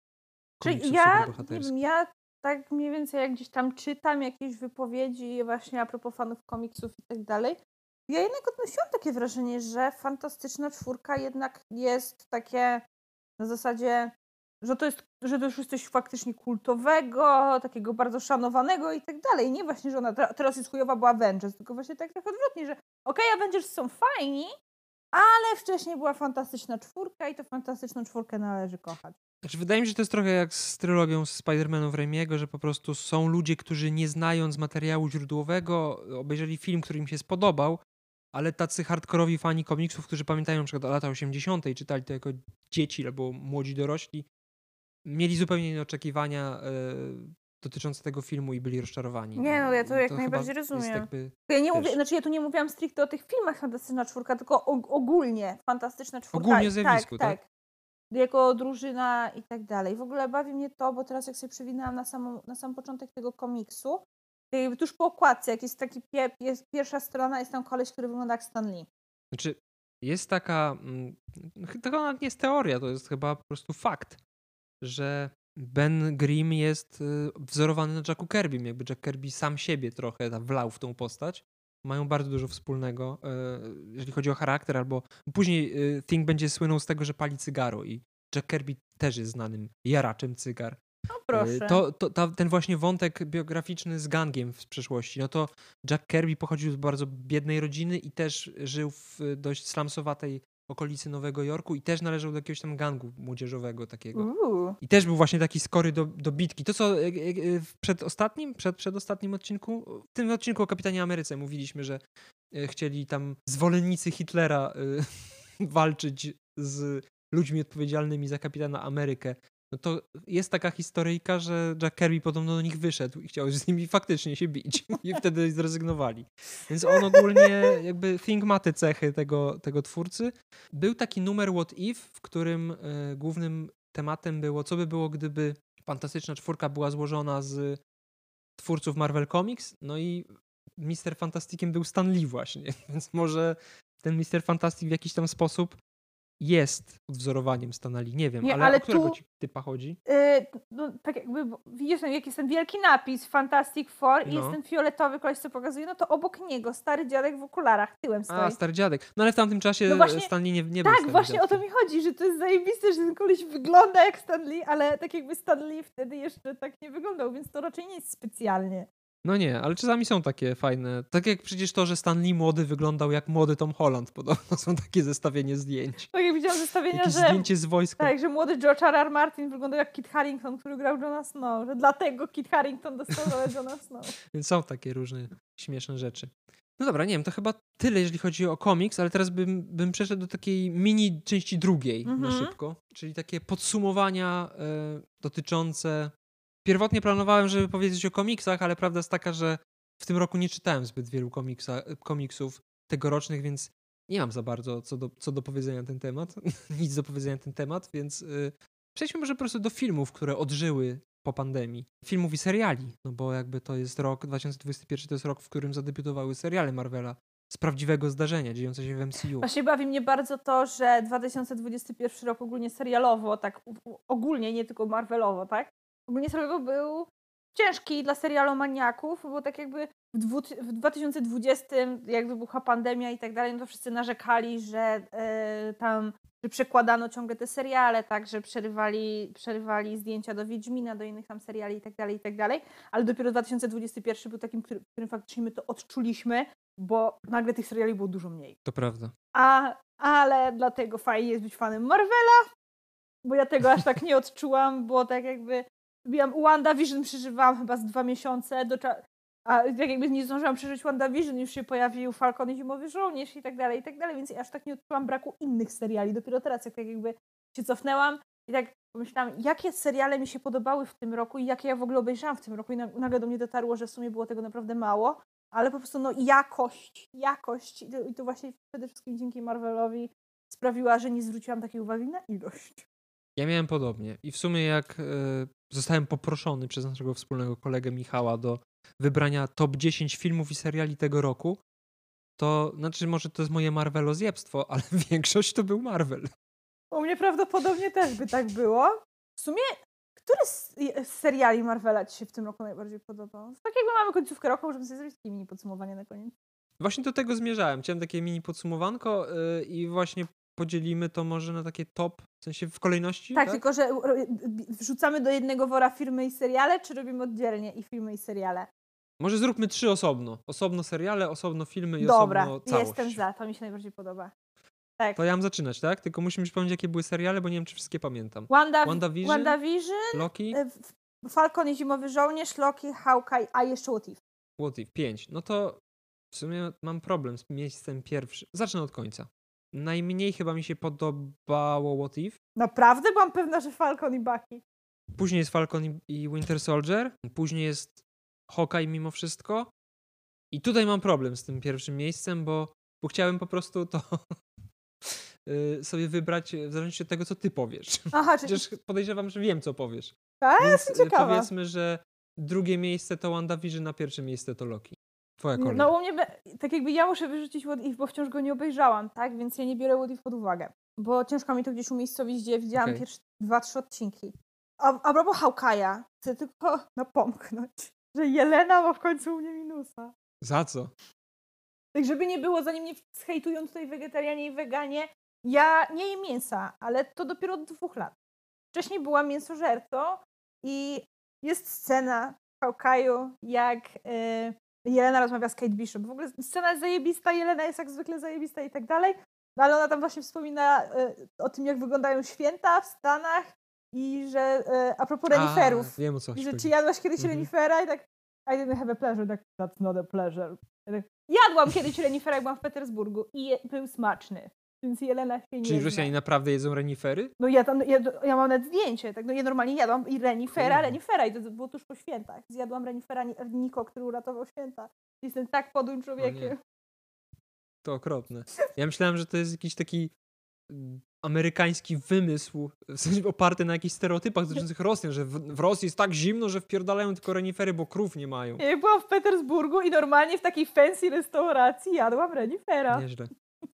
Ja ostatnio odkryłem, że mięso renifera jest w psich karmach, z racji tego, że jestem właścicielem piesków od niedawna. Są karmy z, z mięsem renifera, więc myślałem, że reniferów się nie je. Ciekawe. Je, je. No, ale wracając do tematu. No to jakbym ja miała wskazać z tych czterech, tak, wyrzucając motyw, serial, który mi się najmniej podobał, mimo że tak jakby ja od razu zaznaczam, podobały mi się wszystkie. I żadnemu, Tak, ja też, tylko po prostu trzeba wybrać Tak, coś. nie? żadnemu nie dałabym mniej niż 8 na 10, aczkolwiek tylko Mhm. jeden dostał dziewiątkę. Najmniej mi się podobał Loki. I ja jestem O, w ciężkim szoku. Ja jestem w tak ciężkim szoku, bo ja, no jak wiesz, ja jestem psychofanką Lokiego. Taką absolutną, kurwa, psychofanką. Mimo, że też potrafię być obiektywna i stwierdzić, że Loki wcale nie jest najlepszym złoczyńcą Marvela, nawet nie jest w pierwszej trójce, czy nawet nie wiem, czy jest w piątce w ogóle. Ale jest fantastyczną postacią. Tak, złoczyńcą jest średnim, ale postacią jest fantastyczną. I mimo, że tak, jak- ja miałam dużo obaw względem tego serialu i okazało się, że one były bezpodstawne, bo super poprowadzili tą postać. Ten serial, no z, te, z tych wszystkich seriali, nie oszukujmy się, on najwięcej wniósł do Mhm. uniwersum, do czwartej fazy i tak dalej, bo ja mam trochę takie wrażenie, że filmy są tą czwartą fazą, nawet też nie wszystkie, bo ta Czarna Wdowa to tak, ona se tam jest w tej czwartej fazie, ale tak naprawdę powinna być w trzeciej. E, Ale że tak jakby filmy tam właśnie Eternal, Shang-Chi, czy nawet Spider-Man, tak? O, to już jest faktycznie ta czwarta faza, a te seriale to one jednak tak to one są jedną nogą jednak w Infinity Sadze i to tak mocno, zwłaszcza WandaVision. Mhm. Podobał mi się ten serial, on mi się naprawdę bardzo podobał, takie no naprawdę mocne 8 na 10. Tom Hiddleston był cudowny jak zawsze. Nie pamiętam niestety już jak się nazywa aktorka, która gra Sylwii, ale ona też się super spisała. Pan Owen Wilson też był wspaniały, chociaż jestem chyba jedyną osobą na świecie, którą kurwiał. Naprawdę? Tak sobie, no słuchaj, wkurwiał mnie też z Gredek w Harrym Potterze. Zgradek był wkurwiający. O Boże, dziękuję, że ktoś też tak twierdzi. No on był fajny, tylko czasami działał mi na nerwy. Ale podobało mi się jego podejście do Lokiego i w ogóle podobało mi się to, że Loki w jednym, w jednym odcinku, tego, już w pierwszym odcinku tego serialu przechodzi większą przemianę niż przez praktycznie całą Infinity Sagę. I podoba mi się to, że ta przemiana, ona nie jest podyktowana miłością do brata, tylko faktycznie Lokim, po prostu. I to, że tak jakby w końcu jakoś tam trochę ten serial ratuje Lokiego nawet jako złoczyńcę, gdzie on nam właśnie tłumaczy, dlaczego robił to, co robił. Także tak, prawda jest taka, że krzywdzenie ludzi nie sprawia mu wcale przyjemności, że to kompletnie nie o to chodzi. To było naprawdę super, ale jakoś tak najmniejszy emocjonalny impact miał na mnie ten serial. Tak, on Ciekawe. przeleciał i okej, skończył się, no okej. I No nie było tak, żebym ja ten serial jakoś Bóg wie jak przeżywała, owszem płakałam, tak no, nie byłabym sobą, gdybym się nie popłakała. E, aczkolwiek no, na przykład mi dużo satysfakcji e, dał finałowy odcinek, kiedy Sylwii zdradziła Lokiego. I ta mina załamanego Lokiego, kiedy to do niego dotarło. Tak, Karma jest suką tylko wtedy, kiedy ty nią jesteś, Loki. Teraz już wiesz, jak zawsze czuł się Thor. E, no, więc tak. On bardzo, naprawdę bardzo dobry serial i wydaje mi się, że on jeszcze bardziej będzie zyskiwał z czasem. Mhm. Zwłaszcza po Multiver- Multiverse of Madness. Ja tak jakby, ja podpisuję się cały czas pod tym, że Loki się tam musi pojawić, bo to nie miałoby sensu, gdyby się nie pojawił. E, no ale cóż, zobaczymy. W miejscu drugim od końca. No tu się waham, mówiąc szczerze. Bo tak jeden serial uważam za lepszy, a drugi jednak był trochę bliższy mojemu sercu. I tak naprawdę, kurde, bo waham się między Hawkeye'em a Falconem i Mhm. Zimowym Żołnierzem. Ale chyba jednak Hawkeye. Tak, ten serial jest naprawdę fajny. No, kurwa, Notre Dame, którego znów szybko pozdrawiam. Eee, no tym Kingpinem mnie trochę wkurwili, to przyznaję, ale chyba nie tak jak, jak co po niektórych. ja, aż tak, ja aż tak tego nie przeżywam. Mm, podobało, mi się, podobało mi się, że pojawiła się Jelena, bo ja ją bardzo lubię, ale i okej, ta scena jej z Clintem, no o tym porozmawiamy dłużej, jak zrobimy odcinek, o- e, Mhm. który będziemy omawiać, serial. z jednej strony ona ogłasza się wyłam jak głupia i tak dalej. Jest wzruszająca bardzo ta scena, ale mi cały czas trochę to tam takie stara kurwa. No, Natasza się poświęciła, my wszyscy o tym wiemy. E, ten biedny Clint jest starym dziadem, który ledwo słyszy. Chce tylko spędzić ze swoją rodziną gwiazdkę, a wszyscy się koło cię o coś go czepiają i jeszcze ty się wpierdalasz to wszystko. tak, ja miałam wrażenie, że ta Jelena, ona była takim przeszkadzaczem strasznym.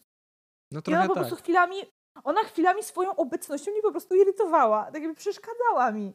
Ale jej sceny z Kate to jest czyste Tak, złoto. tak, I czekam na rozwinięcie ich przyjaźni, bo to może być coś wspaniałego. Najbardziej uwielbiam, jak jej da w twarz widzieli. Co to było? Nie wiem. Naprawdę super. I Florence, no ja uwielbiam Florence, doskonale o tym wiesz. Ja mam obsesję na bucie tej aktorki. Ja mogłabym ją oglądać we wszystkim, mogłabym patrzeć na nią godzinami, więc ona jako Jelena jest absolutnie cudowna moim zdaniem. Nie wiem na ile ona tam e, gwałci język rosyjski tym swoim akcentem, bo nie jestem Rosjanką, ale podoba mi się jak ona mówi z tym akcentem, niezależnie od tego, czy jest dobry, czy nie. Bo istnieje szansa, że wiesz, dla Rosjan ona brzmi jak Michael Fassbender mówiący po polsku. Może tak być. No, także Hawkeye też moim zdaniem taki naprawdę mocno 8 na 10. Super był ten serial, bardzo mi się podobał, bo był taki przyziemny, był taki ludzki. I przede wszystkim bardzo mi się podoba to, jak fajnie oddano hołd i Hawkeye'owi, ale, i Hawkeye'owi, ale też Nataszy. I fajnie pokazali też motyw, jak, o, jak odbierały to os osoby, które zniknęły. Wciąż nie Mhm. będę mówiła, że bli blipnęły, bo kurwa ta nazwa The Blip jest dla mnie jedną z najbardziej debilnych rzeczy, jakie wymyślił Marvel. Ale fajnie to było właśnie pokazane z Jeleną. Bardziej mi się to podobało niż w przypadku Moniki Rambo, chociaż w przypadku Moniki to też było dość mocno poruszające. Tam było bardziej tak dalej. dramatyczne mimo wszystko. Tak, to, tam było dalej bardziej dramatyczne, a tutaj bardziej pokazywało dezorientację Mhm. tych osób. E, no, no to później na drugim miejscu jest czy Falcon i Zimowy Żołnierz. Ja tak jakby z czasem zauważam, że ten serial w zasadzie niewiele wniósł. Mhm.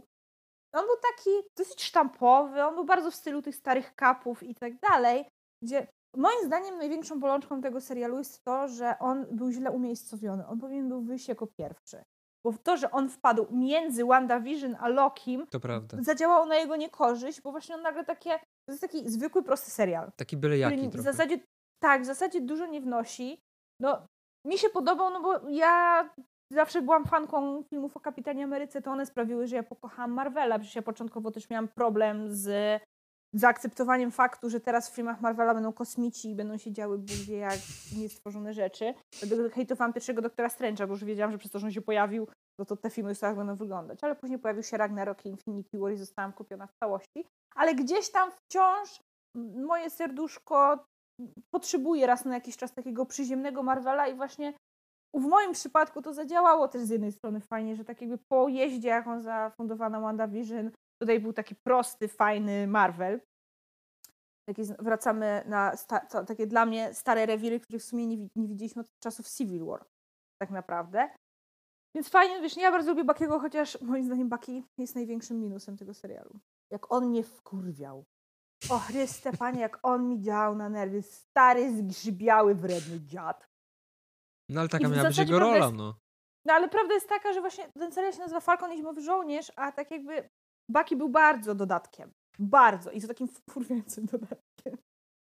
Yy, Ale przynajmniej obcięli mu włosy i był piękny, bo tak jakby ja zawsze się zachwycałam urodą Bakiego Barnesa. Co jest zabawne, bo on przez większość filmu wygląda jak bezdomna w Civil War, to jest absolutnie obleśny. A tutaj znowu faktycznie wygląda bardziej jak Sebastian Stan niż jak bezdomny spod centralnego. Ale no ten serial no, ma dużo plusów, tak? Zimo, którego ja już uwielbiałam w Civil War, a tutaj to po prostu coś pięknego. Poza tym tańczący Zimo to było coś, czego potrzebowałam w swoim życiu. Sam Wilson, ja jako fanka Kapitana Ameryki i też nawet Steve'a Rogersa, ja stwierdzam naprawdę z całą moją miłością i szacunkiem do Steve'a, że sam jest o wiele lepszym Kapitanem Ameryką. E, I to wyjdzie wszystkim na dobre, że to nie jest Kapitanem Ameryką. No i przejdę teraz tak jeszcze tak na szybko do na absolutnie największego plusa tego serialu, John Walker. Boże, jak ja uwielbiam tą postać i ja czekam, aż on wróci w, jakimś, w jakiejś teraz produkcji, bo tak jak patrzę teraz, e, cofając się, patrząc wstecz na cały ten rok, e, na wszystkie nowe postacie, które wprowadzono do uniwersum Marvela, to mimo mojej wielkiej miłości do Druiga, Jeleny, Star Foxa, e, czy kogo tam oni sobie jeszcze wprowadzili i tak dalej, to jednak John Walker u mnie jest na pierwszym miejscu, jeżeli chodzi o nowe postacie. Jest wspaniały, jest, jest tak zajebistą postacią. Fakt, że no, oczywiście, że mnie wkurwiał w trakcie e, seansu, ale bardziej wkurwiał mnie Baki, który wiecznie mu cisnął. Takie, kurwa, odpierdol się wreszcie od niego. On się zachowywał... Baki był po, po, po części starym dziadem, a po części małym chłopcem. Nie jesteś Steve'em, to, że nosisz tą tarczę nie znaczy, że jesteś kapitanem Ameryką. Kurwa, ile można. No, więc uwa- ja uważam, że wiele złych rzeczy związanych z Johnem Walkerem by się nie wydarzyło, gdyby Bucky nie był zjebem, ale to jest to moje zdanie. I też uważam, że Wyatt Russell zajebiście zagrał tą rolę. Plus, no, jako kobieta też wtrącą, faktycznie, no nie jest przystojnym facetem, ale ma tak piękne oczy, że ja nie potrafiłabym nienawidzić człowieka, który ma tak piękne niebieskie oczy. No, no i, no i miejsce pierwsze oczywiście w moim przypadku WandaVision. Czyli cię znam I jednak. cze- tak, no bo po pierwsze, jak wiesz, ja kocham Wandę miłością bezgraniczną. Ta postać porusza jakieś takie wyjątkowe struny w moim sercu. To jest serial, któremu mam trochę do zarzucenia ze względu na to, że mi się finał nie podobał za bardzo. Agata Harkness została moim zdaniem trochę zbyt przerysowana. E, Nie podoba mi się to, co oni ostatecznie zrobili z postacią tego dyrektora tego SWORD, bo też zrobili z niego po prostu zwykłego chuja, a on przez większość serialu był takim niezbyt sympatycznym kolesiem, takim służbistą, ale jednak no, rozumiało się, dlaczego on to robi, tak jak on powiedział Wandzie, że no nie może jej oddać Visiona, żeby y, urządziła pogrzeb, no bo stara, nie dam ci masy vibranium wartej kilka miliardów dolarów tylko po to, żebyś zakopała pod ziemią, no bądźmy poważni. A na koniec zrobili z niego takiego jednowymiarowego antybohatera, który strzela dziecku w twarz. On dosłownie przestrzelił Bliemu prosto w twarz. No, no nie, to mi się nie podobało, ale bo- powiem tak, finałowy odcinek nie był zły, był słaby jak na WandaVision, tak? A Zgadzam wciąż się. był dobry. Zwłaszcza, że Wanda tak zajebiście wygląda jak, jako Scarlet Witch. Trochę mnie boli, że zmienili trochę ten wygląd w Strange'u drugim, jak już widzieliśmy w zapowiedzi, Mhm. bo te włosy ma trochę inne. Wciąż wygląda zajebiście, w końcu to jest Elizabeth Olsen, tak? Ale no jednak trochę, trochę mi żal tych włosów, które były naprawdę zajebiste. No, prze, dla mi się chyba naj, to, co mi się najbardziej podobało w tym serialu, to po pierwsze no, ładunek emocjonalny. Przedostatni odcinek, to ja się, ja się go przecież pisane do ciebie, że się bałam go włączyć, trzy dni go nie włączyłam, bo się nie mogłam zebrać. Bałam się, że pęknie mi serce, że jak Wanda zacznie płakać, to ja zacznę płakać razem z nią i końca nie będzie. I tak było. Trochę tak było. Ale to, co mi się najbardziej podoba w tym serialu, to to jest to, że nie ma drugiego takiego serialu i do tej pory nie było. Znaczy dla mnie właśnie jest- Loki i WandaVision są w jednej kategorii zajebistych seriali superbohaterskich, które nie polegają na tym, że są wybuchy z- dupy i spadające statki z nieba, tylko chodzi o coś więcej. W ogóle ta zabawa formą i to, że przez pierwsze trzy odcinki to za, zamiast WandaVision to się powinno było nazwać What the fuck. No i wybiłam te memy z tym. Także ten serial, tak jakby on łączy w sobie tyle gatunków, już on, było dość sporo momentów, kiedy on podjeżdżał horrorem. Na- Były naprawdę momenty, kiedy ja się tej Wandy autentycznie po prostu bałam. E, ale było też dużo humoru, były właśnie taki list miłosny do sitcomów i to zostało fajnie wytłumaczone skąd te sitcomy. Mhm. Tutaj ja też się znowu utożsamiam z Wandą, bo ja też, jak dzieje się coś złego w moim życiu, to włączam telewizor, tylko ja akurat nie sitcomem, bo sorry Wanda, ale ja nie przepadam za sitcomami.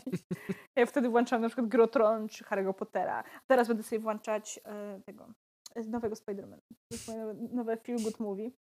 No, także no, fantastyczny był ten serial, no i dużo wniósł do postaci Wandy.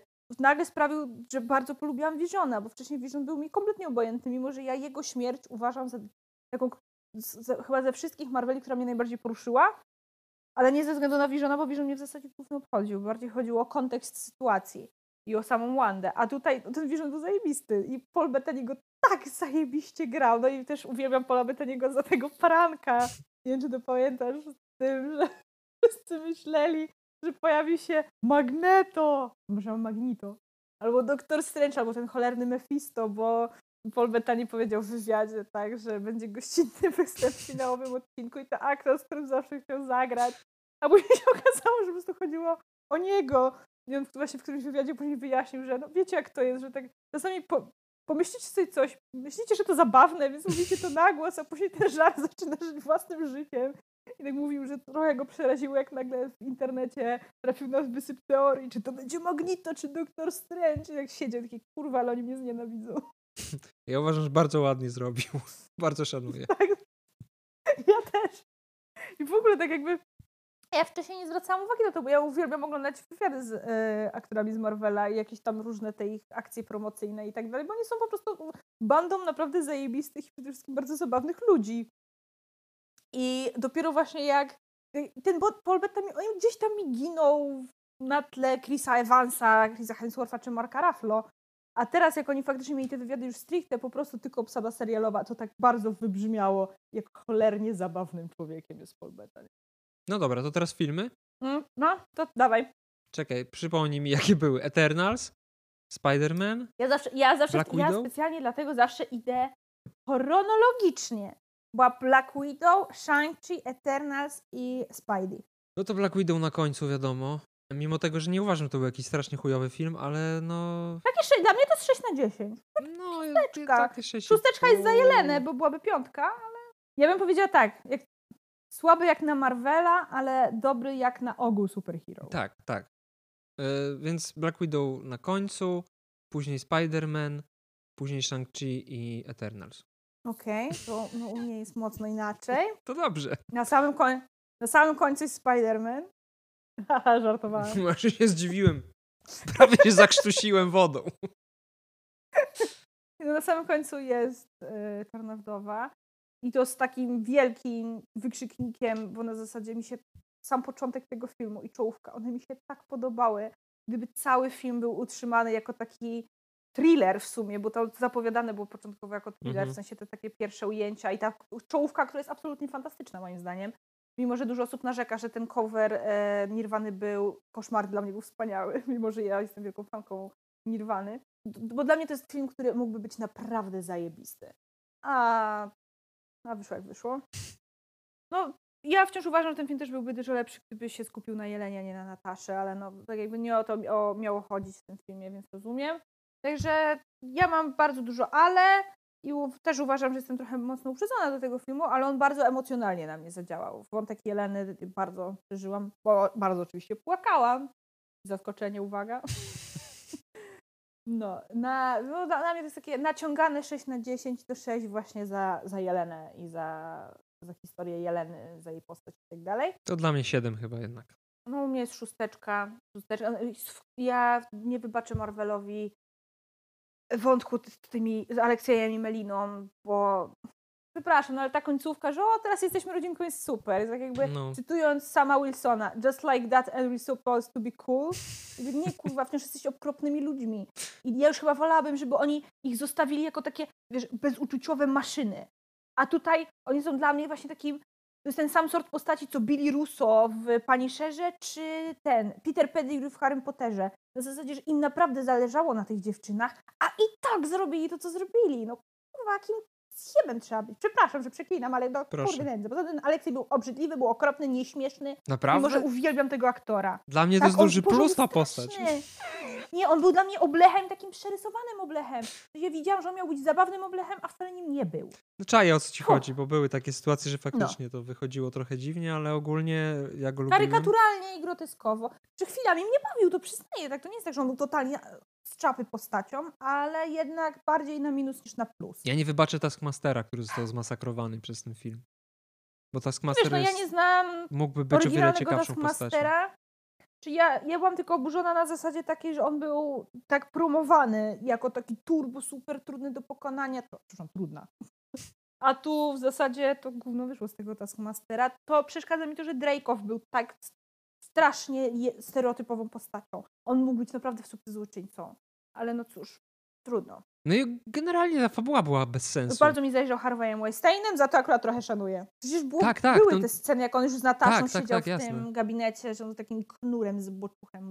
Znaczy z tego właśnie powodu ja nie uważam, że jego postać była jakoś słabo zrobiona, bo właśnie nie, wydaje mi się, że to był cel jakby. Tak, tak, to oni takiego- celowo, to było ce- celowe zagranie, tylko właśnie chodzi... Może inaczej, ja mam właśnie z Drake'owem mam ten problem, który mam ogólnie z filmem, także to mogła być, oni, gdyby go lepiej poprowadzili, No, to to, mógłby być na, naprawdę zajebisty złoczyńca. No, Jeszcze bardziej obleśny, jeszcze większym mógł być Tak. z wyrolem. Tak. No, Czarna Wdowa to jest po prostu totalnie niewykorzystany potencjał, Mhm. tak mu- reasumując. No u mnie później jest Shang-Chi mimo Mhm. wszystko, mimo że uważam, bardzo lubię ten film. On jest inny trochę. To, to jest tak ciekawe, bo niby on ma ten vibe takiego typowego Marvela, ale jednak ten swój klimat oddzielny trochę też ma. Te postacie są, boże, one są tak fajne. Jak ja bym chciała się kumplować z Seanem i tą, ona Katie miała? Chyba tak. Pawina? Chyba tak. Jezu, ja chcę, żeby oni byli moimi ziomkami. Naprawdę. ta, nie wiem, czy to już była scena po napisach, czy to jeszcze jest w filmie, jak oni tam poznają Kapitan Marvel i Bruce'a i że no, Scena przygotujcie się, witamy w cyrku, tak?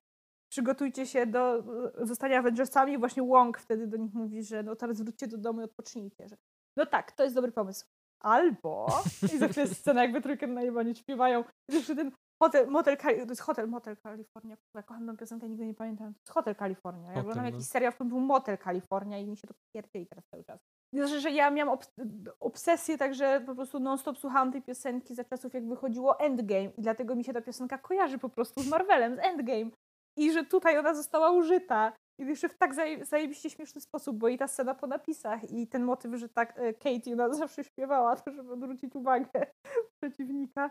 Naprawdę super jest ten film i właśnie wprowadził takie postacie, które się automatycznie lubi. Tak, to prawda. Ale o tym w sumie pogadamy sobie szerzej Tak. niebawem. Tak, dokładnie. Więc e, tutaj już kończę, więc e, zaznaczam tylko, że ze względu na to, że ten film jest przedostatni, to nie znaczy, że on mi się nie podobał. Tak, on mi się naprawdę bardzo podobał, tylko po prostu pozostałe były lepsze. No następny jest Eternals, które ja im dłużej myślałam o tym filmie, tym bardziej mi się podobał. Tak jak już omawialiśmy zresztą. Mam nowe, jak to ja nazywam, Marvelowe-lowe. Tak, teraz jestem tylko babą. Ale wciąż mnie szokuje to, że to nie jest Kit Harington ani Richard Madden. To, to jest druid, którego absolutnie ubóstwiam. E, No ale no Eternalsów to już omówiliśmy, więc nie będę się jakoś bardzo rozwodzić. Przechodząc do numeru, no, które tak jakby po tygodniu, bo minął tydzień chyba, nie? Po Tak. tygodniu dochodzę do wniosku, że no, nie jest to jeden z najlepszych filmów Marvela, tak? No, mamy Infinity War, mamy Ragnarok, mamy Strażników Galaktyki i tak dalej, ale jest to naprawdę jeden z moich ulubionych filmów Marvela. Kocham go całym serduszkiem i jestem siebie dumna, że udało mi się nie zanudzać całej mojej rodziny podczas świąt gadaniem o tym filmie, a uratowało ich tylko i wyłącznie to, że jeszcze nikt go nie obejrzał. Czyli wszystko zdradziłaś. To co najważniejsze. Właśnie nie, dlatego nie gadałam, dlatego A. nie gadałam, bo nie A oglądali. nie gadałaś, ja słyszałem, że obej- gadaniem. Tak, właśnie udało mi się nie zanudzić A, mojej okej, rodziny. dobra. Tym, tak jakby, że Teraz nie gadałam rozumiem. cały czas o tym Teraz filmie. rozumiem. Bo gdyby, tak jakby gdyby na przykład moja siostra cioteczna obejrzała już ten film, to ona by nie miała życia w tym. Ja bym ją męczyła cały czas. A na którym momencie płakałaś najbardziej? A co ci się najbardziej podobało? A kto... I nie mów mi. To tak wytniemy, i bo tak nie wszyscy dalej. jeszcze nasi fani mieli możliwość oglądania, więc spoilery. Oh my god, o Jezu, dobra, to weź to jakoś, o nie wiem, zabluruj. O, Dobrze. wypikaj mnie. Dobrze, Wypikaj mnie. wypikam cię. Ja zapomniałam, że ten odcinek ma nie być spoilerowy. Kurde, sorry. Faktycznie nie minął jeszcze miesiąc. No, widzicie, no właśnie to jest ta ekscytacja. To jest ta ekscytacja i ja zapominam o logicznym myśleniu. Przepraszam najmocniej.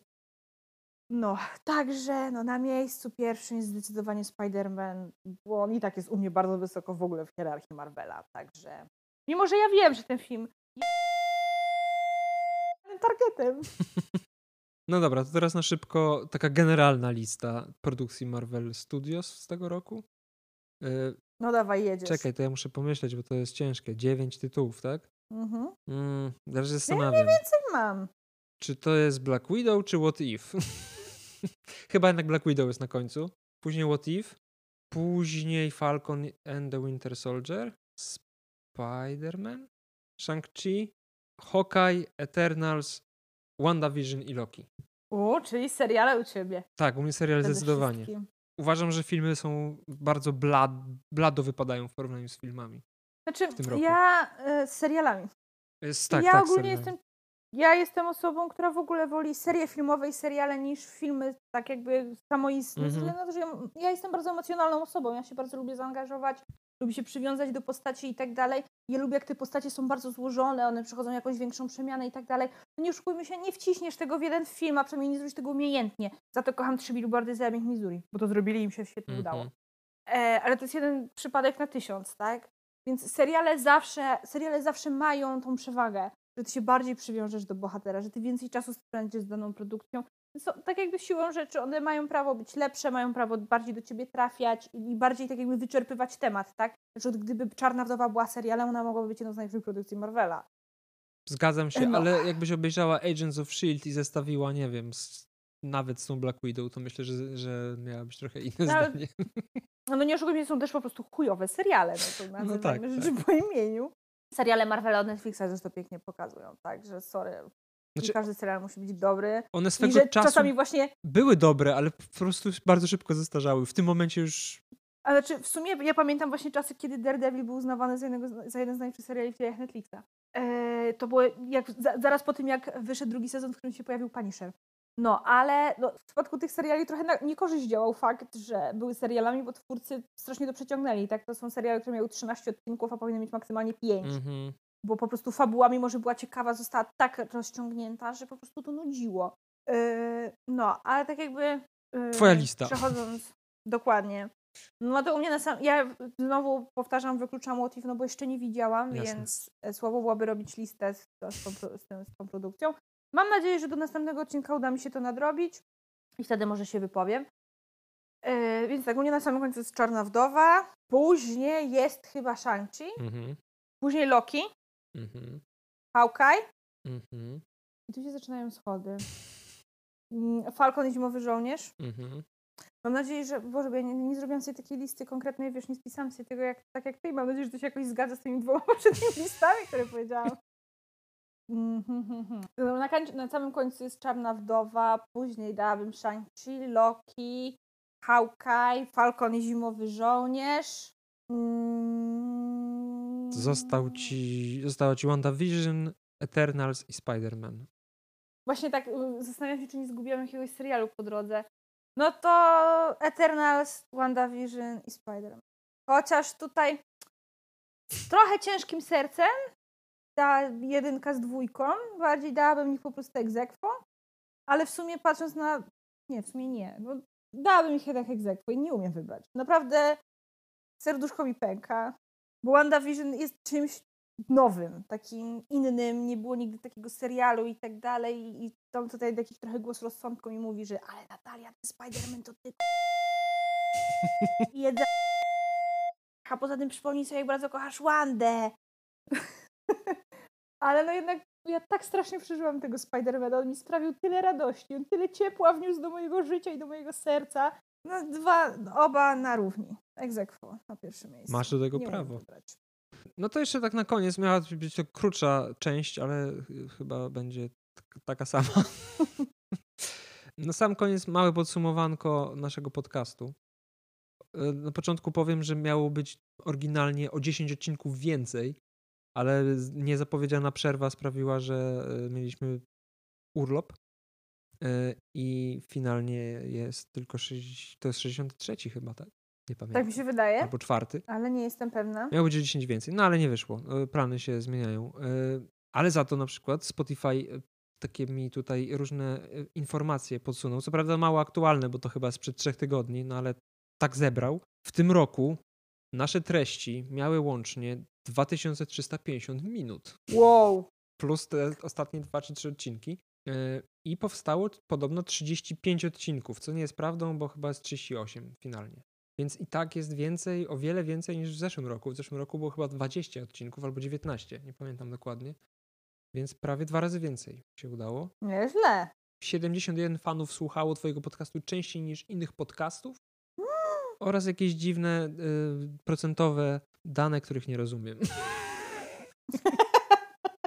Udostępnimy na naszych mediach społecznościowych, żebyście mogli sobie To może zobaczyć. wy nam, wy nam pomożecie zrozumieć. Tak, jak zajebiści jesteśmy. Więc zapraszamy serdecznie na Instagrama, e, Facebooka. No, no i na YouTubie też możecie komentarze zostawić, jeśli słuchacie za pośrednictwem tej platformy. Oprócz tego możecie powiedzieć coś na temat Fantastycznej Czwórki, w sensie wasze przemyślenia dotyczące w ogóle całe, ca, całej tej drużyny, ale też tego numeru. Czy czytaliście? Czy kochacie, czy nienawidzicie? Dajcie znać, kogo byście widzieli w obsadzie. No Nie, właśnie. No, nowej wersji. Bo jestem bardzo ciekawa, czy faktycznie wszyscy tak bardzo widzą Emily Blunt i Johna Krasińskiego, czy jednak znajdzie się tu ktoś inny. No i też możecie oczywiście zostawić swoje top seriali filmów Marvela. A to Chętnie się tego jestem bardzo ciekawa. Naprawdę, tego jestem bardzo ciekawa. Jeszcze na koniec tylko powiem, że nie wiem, czy zdajesz sobie z tego sprawę, że mamy też słuchaczy poza Polską. Nie. Wiem o jednym naszym słuchaczu, który pochodzi ze Słowacji i nas regularnie słucha. Pozdrawiamy Mirosław, nie wiem jak się mówi cześć po słowacku. Ahoj. Ja też niestety. też niestety nie wiem. Jedyna, jedyna nauka to z czechosłowackich bajek komunistycznych. To ja takich nie oglądałam.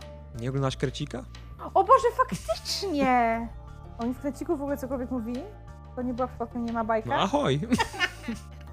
Okej, okej. Moja mama bardzo lubiła krecika. Pozdrawiam mamusiu. Pozdrawiamy serdecznie. Krecika też pozdrawiamy. Jak najbardziej. Więc, no dobra, to e, może tym pozytywnym, Tak, krecikowym akcentem żegnamy się. I do się usłyszenia żegnamy. w przyszłym roku. Tak, Boże, właśnie chciałam powiedzieć, że Mów. Chciałabym rzucić ten żałosny, wyświetlany żart. Do zobaczenia w przyszłym roku. W naszym przypadku do usłyszenia. Tak. Pa. Pa, pa.